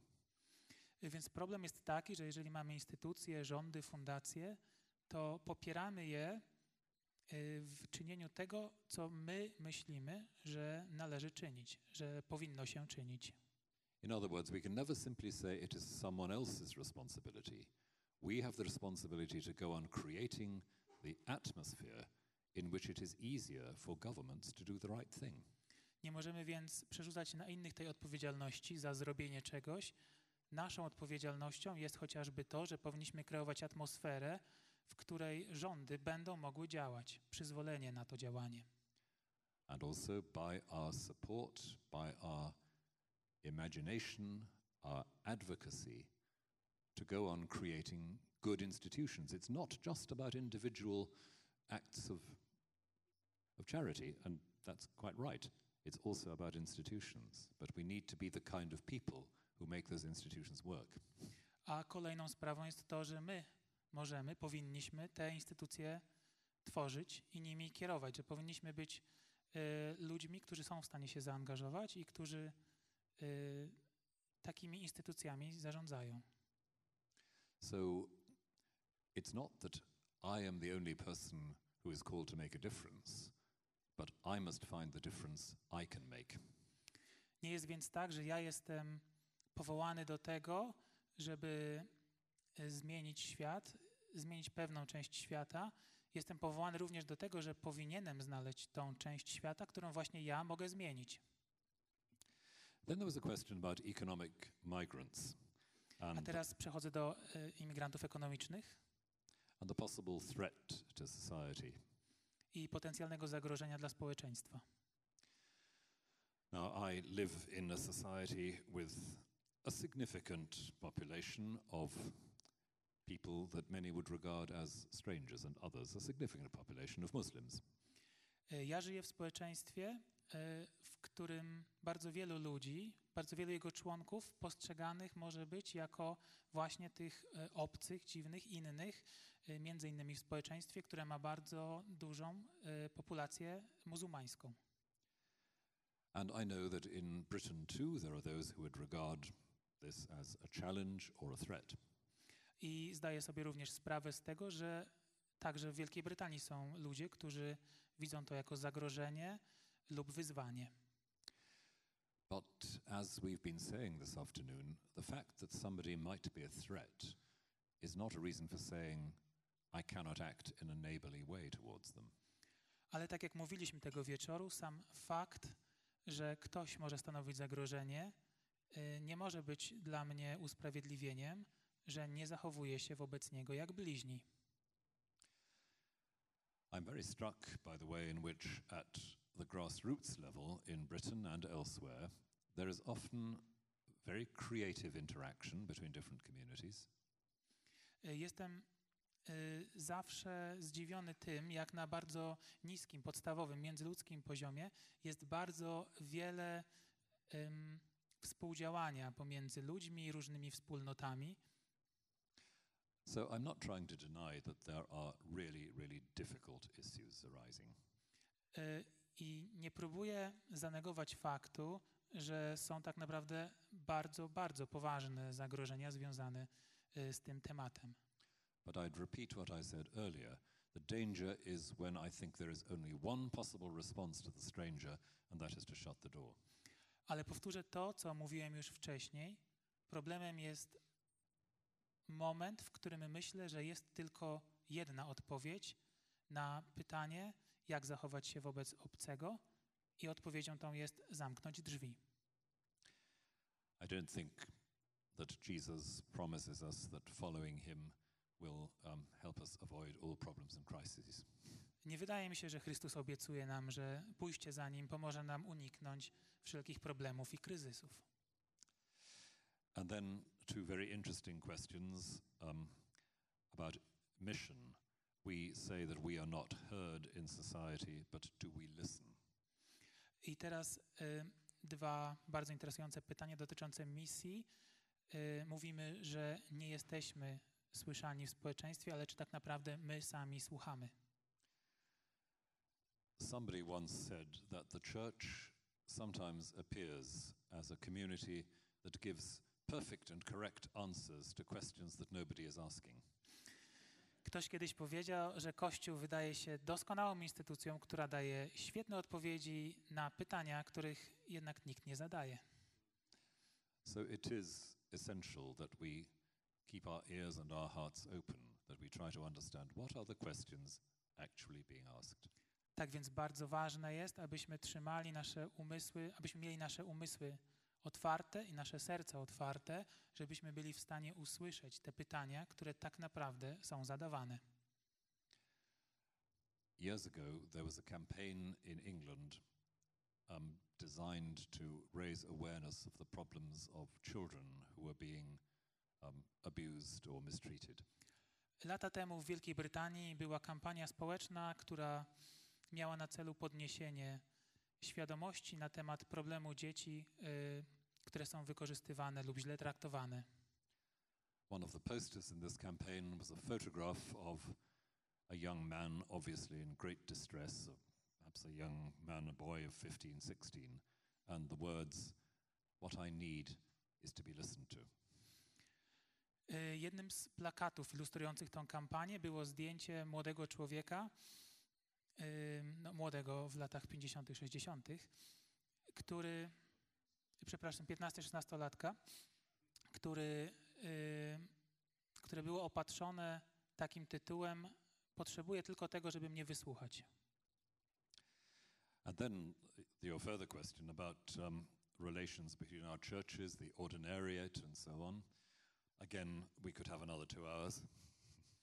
Y, Więc kolejne pytanie na temat y, konwersji, na temat wyznań. Myślę, że tutaj spędzilibyśmy kolejne dwie godziny dyskutując. When the ordinariate was created by Pope Benedict, my comment at the time was, was this Kiedy ten ordynariat dla na, y, Anglikanów, którzy przechodzą na chrześcijaństwo, y, przepraszam, na katolicyzm, został stworzony przez papieża Benedykta, został y, stworzony.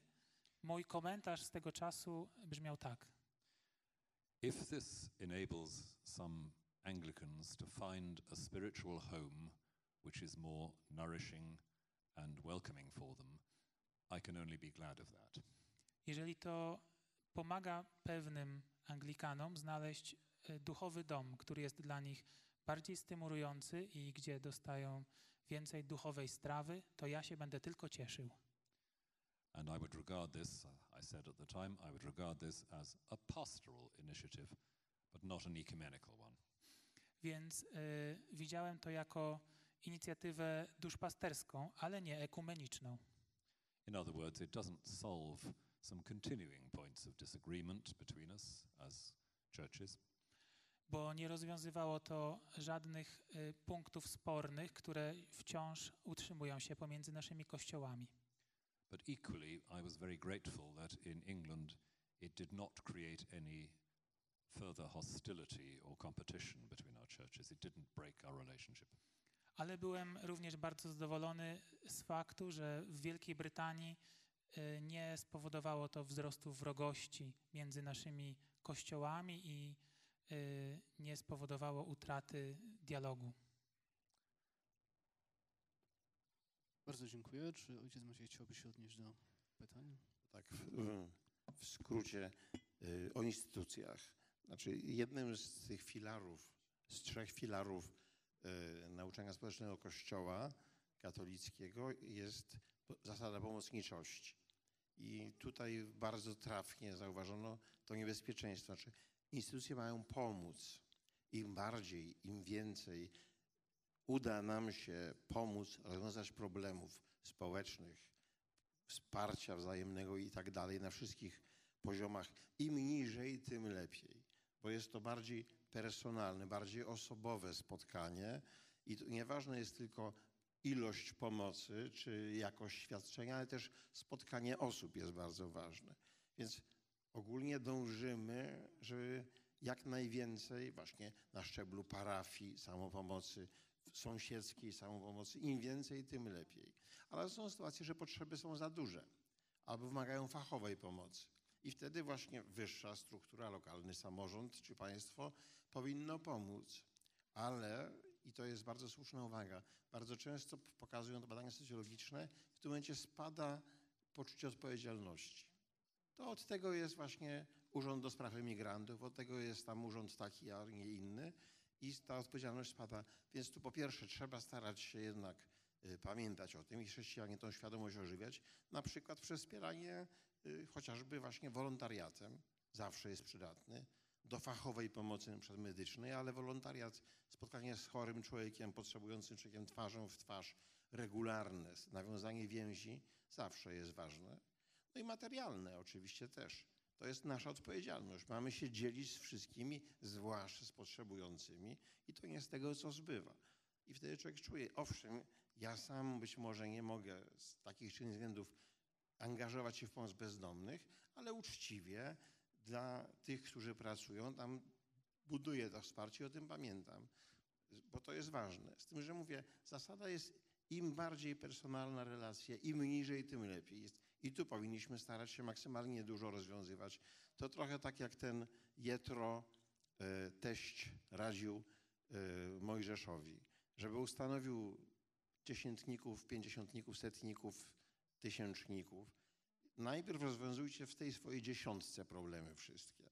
Nie, ma, nie umiecie z czymś, macie problem, idziecie do pięćdziesiątnika.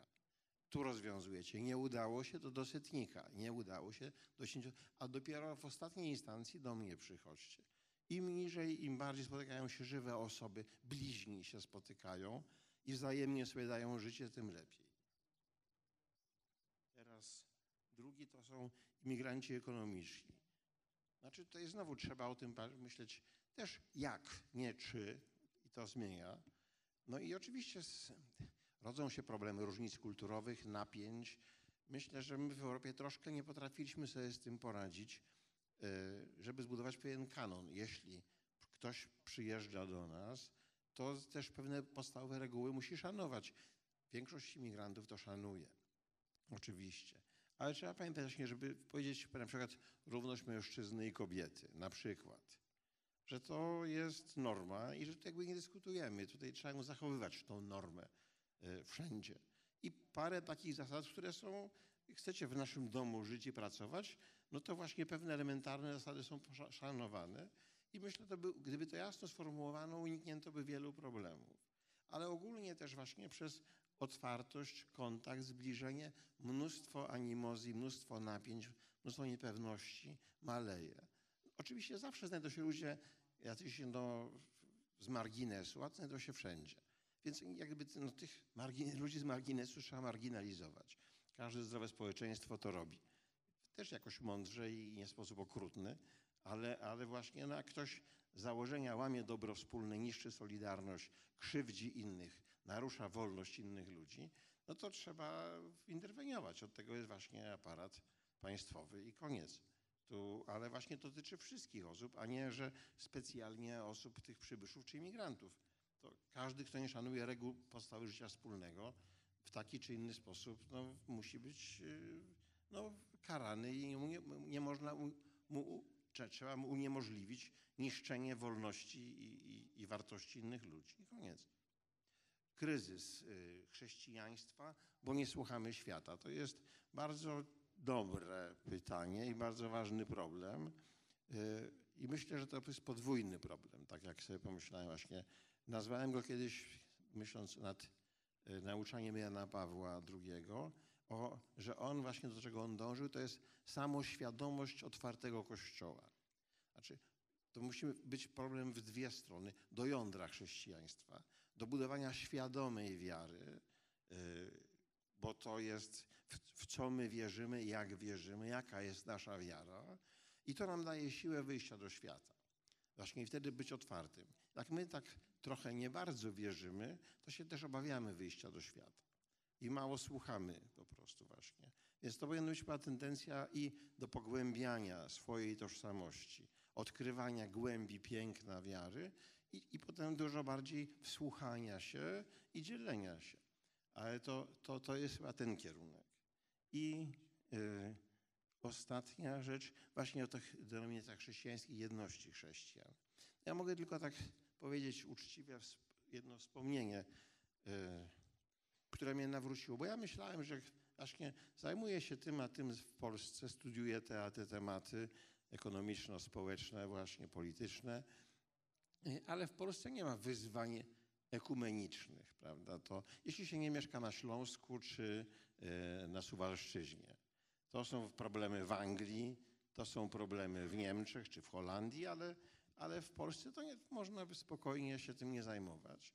I, I to, co mnie głęboko nawróciło i zmieniło mi głęboko myślenie, no to jak wiele razy i wiele też rozmów, ale wszystkim wyraz twarzy Jana Pawła II jak mówiliśmy o jedności chrześcijan, to ja widziałem u niego fizyczne cierpienie z tego braku jedności.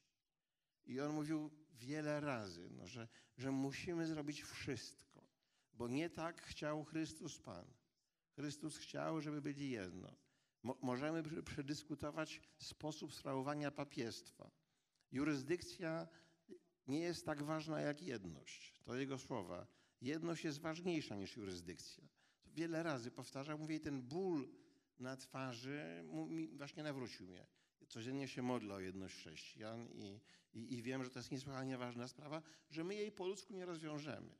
Ale przez takie debaty i takie spotkania, jak tutaj, przez tysiące i miliony rozmów, wspólnych działań, wspólnej modlitwy, odkrywania bogactwa tradycji, odbywa się dobry proces. Oczywiście to jest ciągle jeszcze daleko, ale 50 lat temu byliśmy dużo, dużo dalej, a 100 lat temu bez porównania dalej. Nie przyspieszajmy, ale róbmy co się da, każdy z nas. Jest jeszcze jedna ważna tradycja tego miejsca, o którym stali bylalcy wiedzą. Tu zawsze czas biegnie trochę szybciej. Nie wiem, czy Państwo zauważyli, jesteśmy tutaj od dwóch godzin i wiem, że część z nas byłaby gotowa zostać z naszymi gośćmi dłużej, bo ta rozmowa biegnie w bardzo piękny i przyjacielski, bardzo taki twórczy sposób, ale w ramach otwarcia na naszych bliźnich, którzy chcą stąd wyjść nieco szybciej, bo mają jeszcze plany na dzisiejszy wieczór, chciałbym, żebyśmy skonkludowali tutaj i dali sobie czas na te indywidualne spotkania i możliwości podpisywania. Pytań już więcej tak grupowo nie będzie, ale jeżeli ktoś potem podejdzie z książką, myślę, że będzie miał okazję zadać. I do tej książki też odsyłam, dlatego że jest tam dużo więcej niż to, o czym mówiliśmy dzisiaj. Chciałbym serdecznie podziękować wydawnictwu w drodze, które to spotkanie przygotowało, dając asumpt do tej dyskusji dzięki książce, którą przetłumaczyło i wydało, wrocławskim dominikanom, którzy są gospodarzami tego spotkania i wśród tych gospodarzy jest obecny tutaj ojciec Maciej, który bardzo dużo w to spotkanie wniósł, księdzu arcybiskupowi za wykład o tym, jak dawać życie, jak życie przyjmować, o otwarciu na życie i bardzo ważnej osobie, która na tym spotkaniu, w tym spotkaniu uczestniczyła, bo to wiecie Państwo, trzeba zawsze znaleźć wspólny język. I jestem pod ogromnym wrażeniem naszego tłumacza, który nie tłumaczył kontekstualnie, czyli słowo po słowie, ale w dużej mierze tłumaczył symultanicznie, co jest bardzo trudną sztuką i wyrazy uznania i wielki szacunek za to. Bardzo Państwu dziękuję.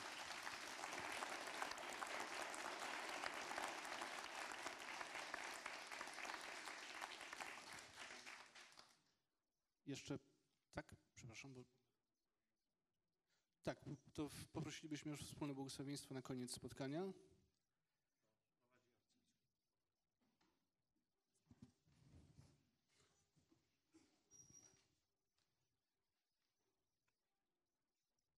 Peace of God, which passes all understanding, keep your hearts and minds in the knowledge and love of God and of his Son, Jesus Christ our Lord.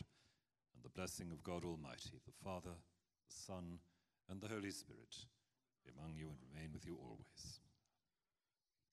Niech pokój Chrystusa, który przekracza wszelkie zrozumienie, pozostanie z wami, stąpi na was i pozostanie z wami wszystkimi na zawsze.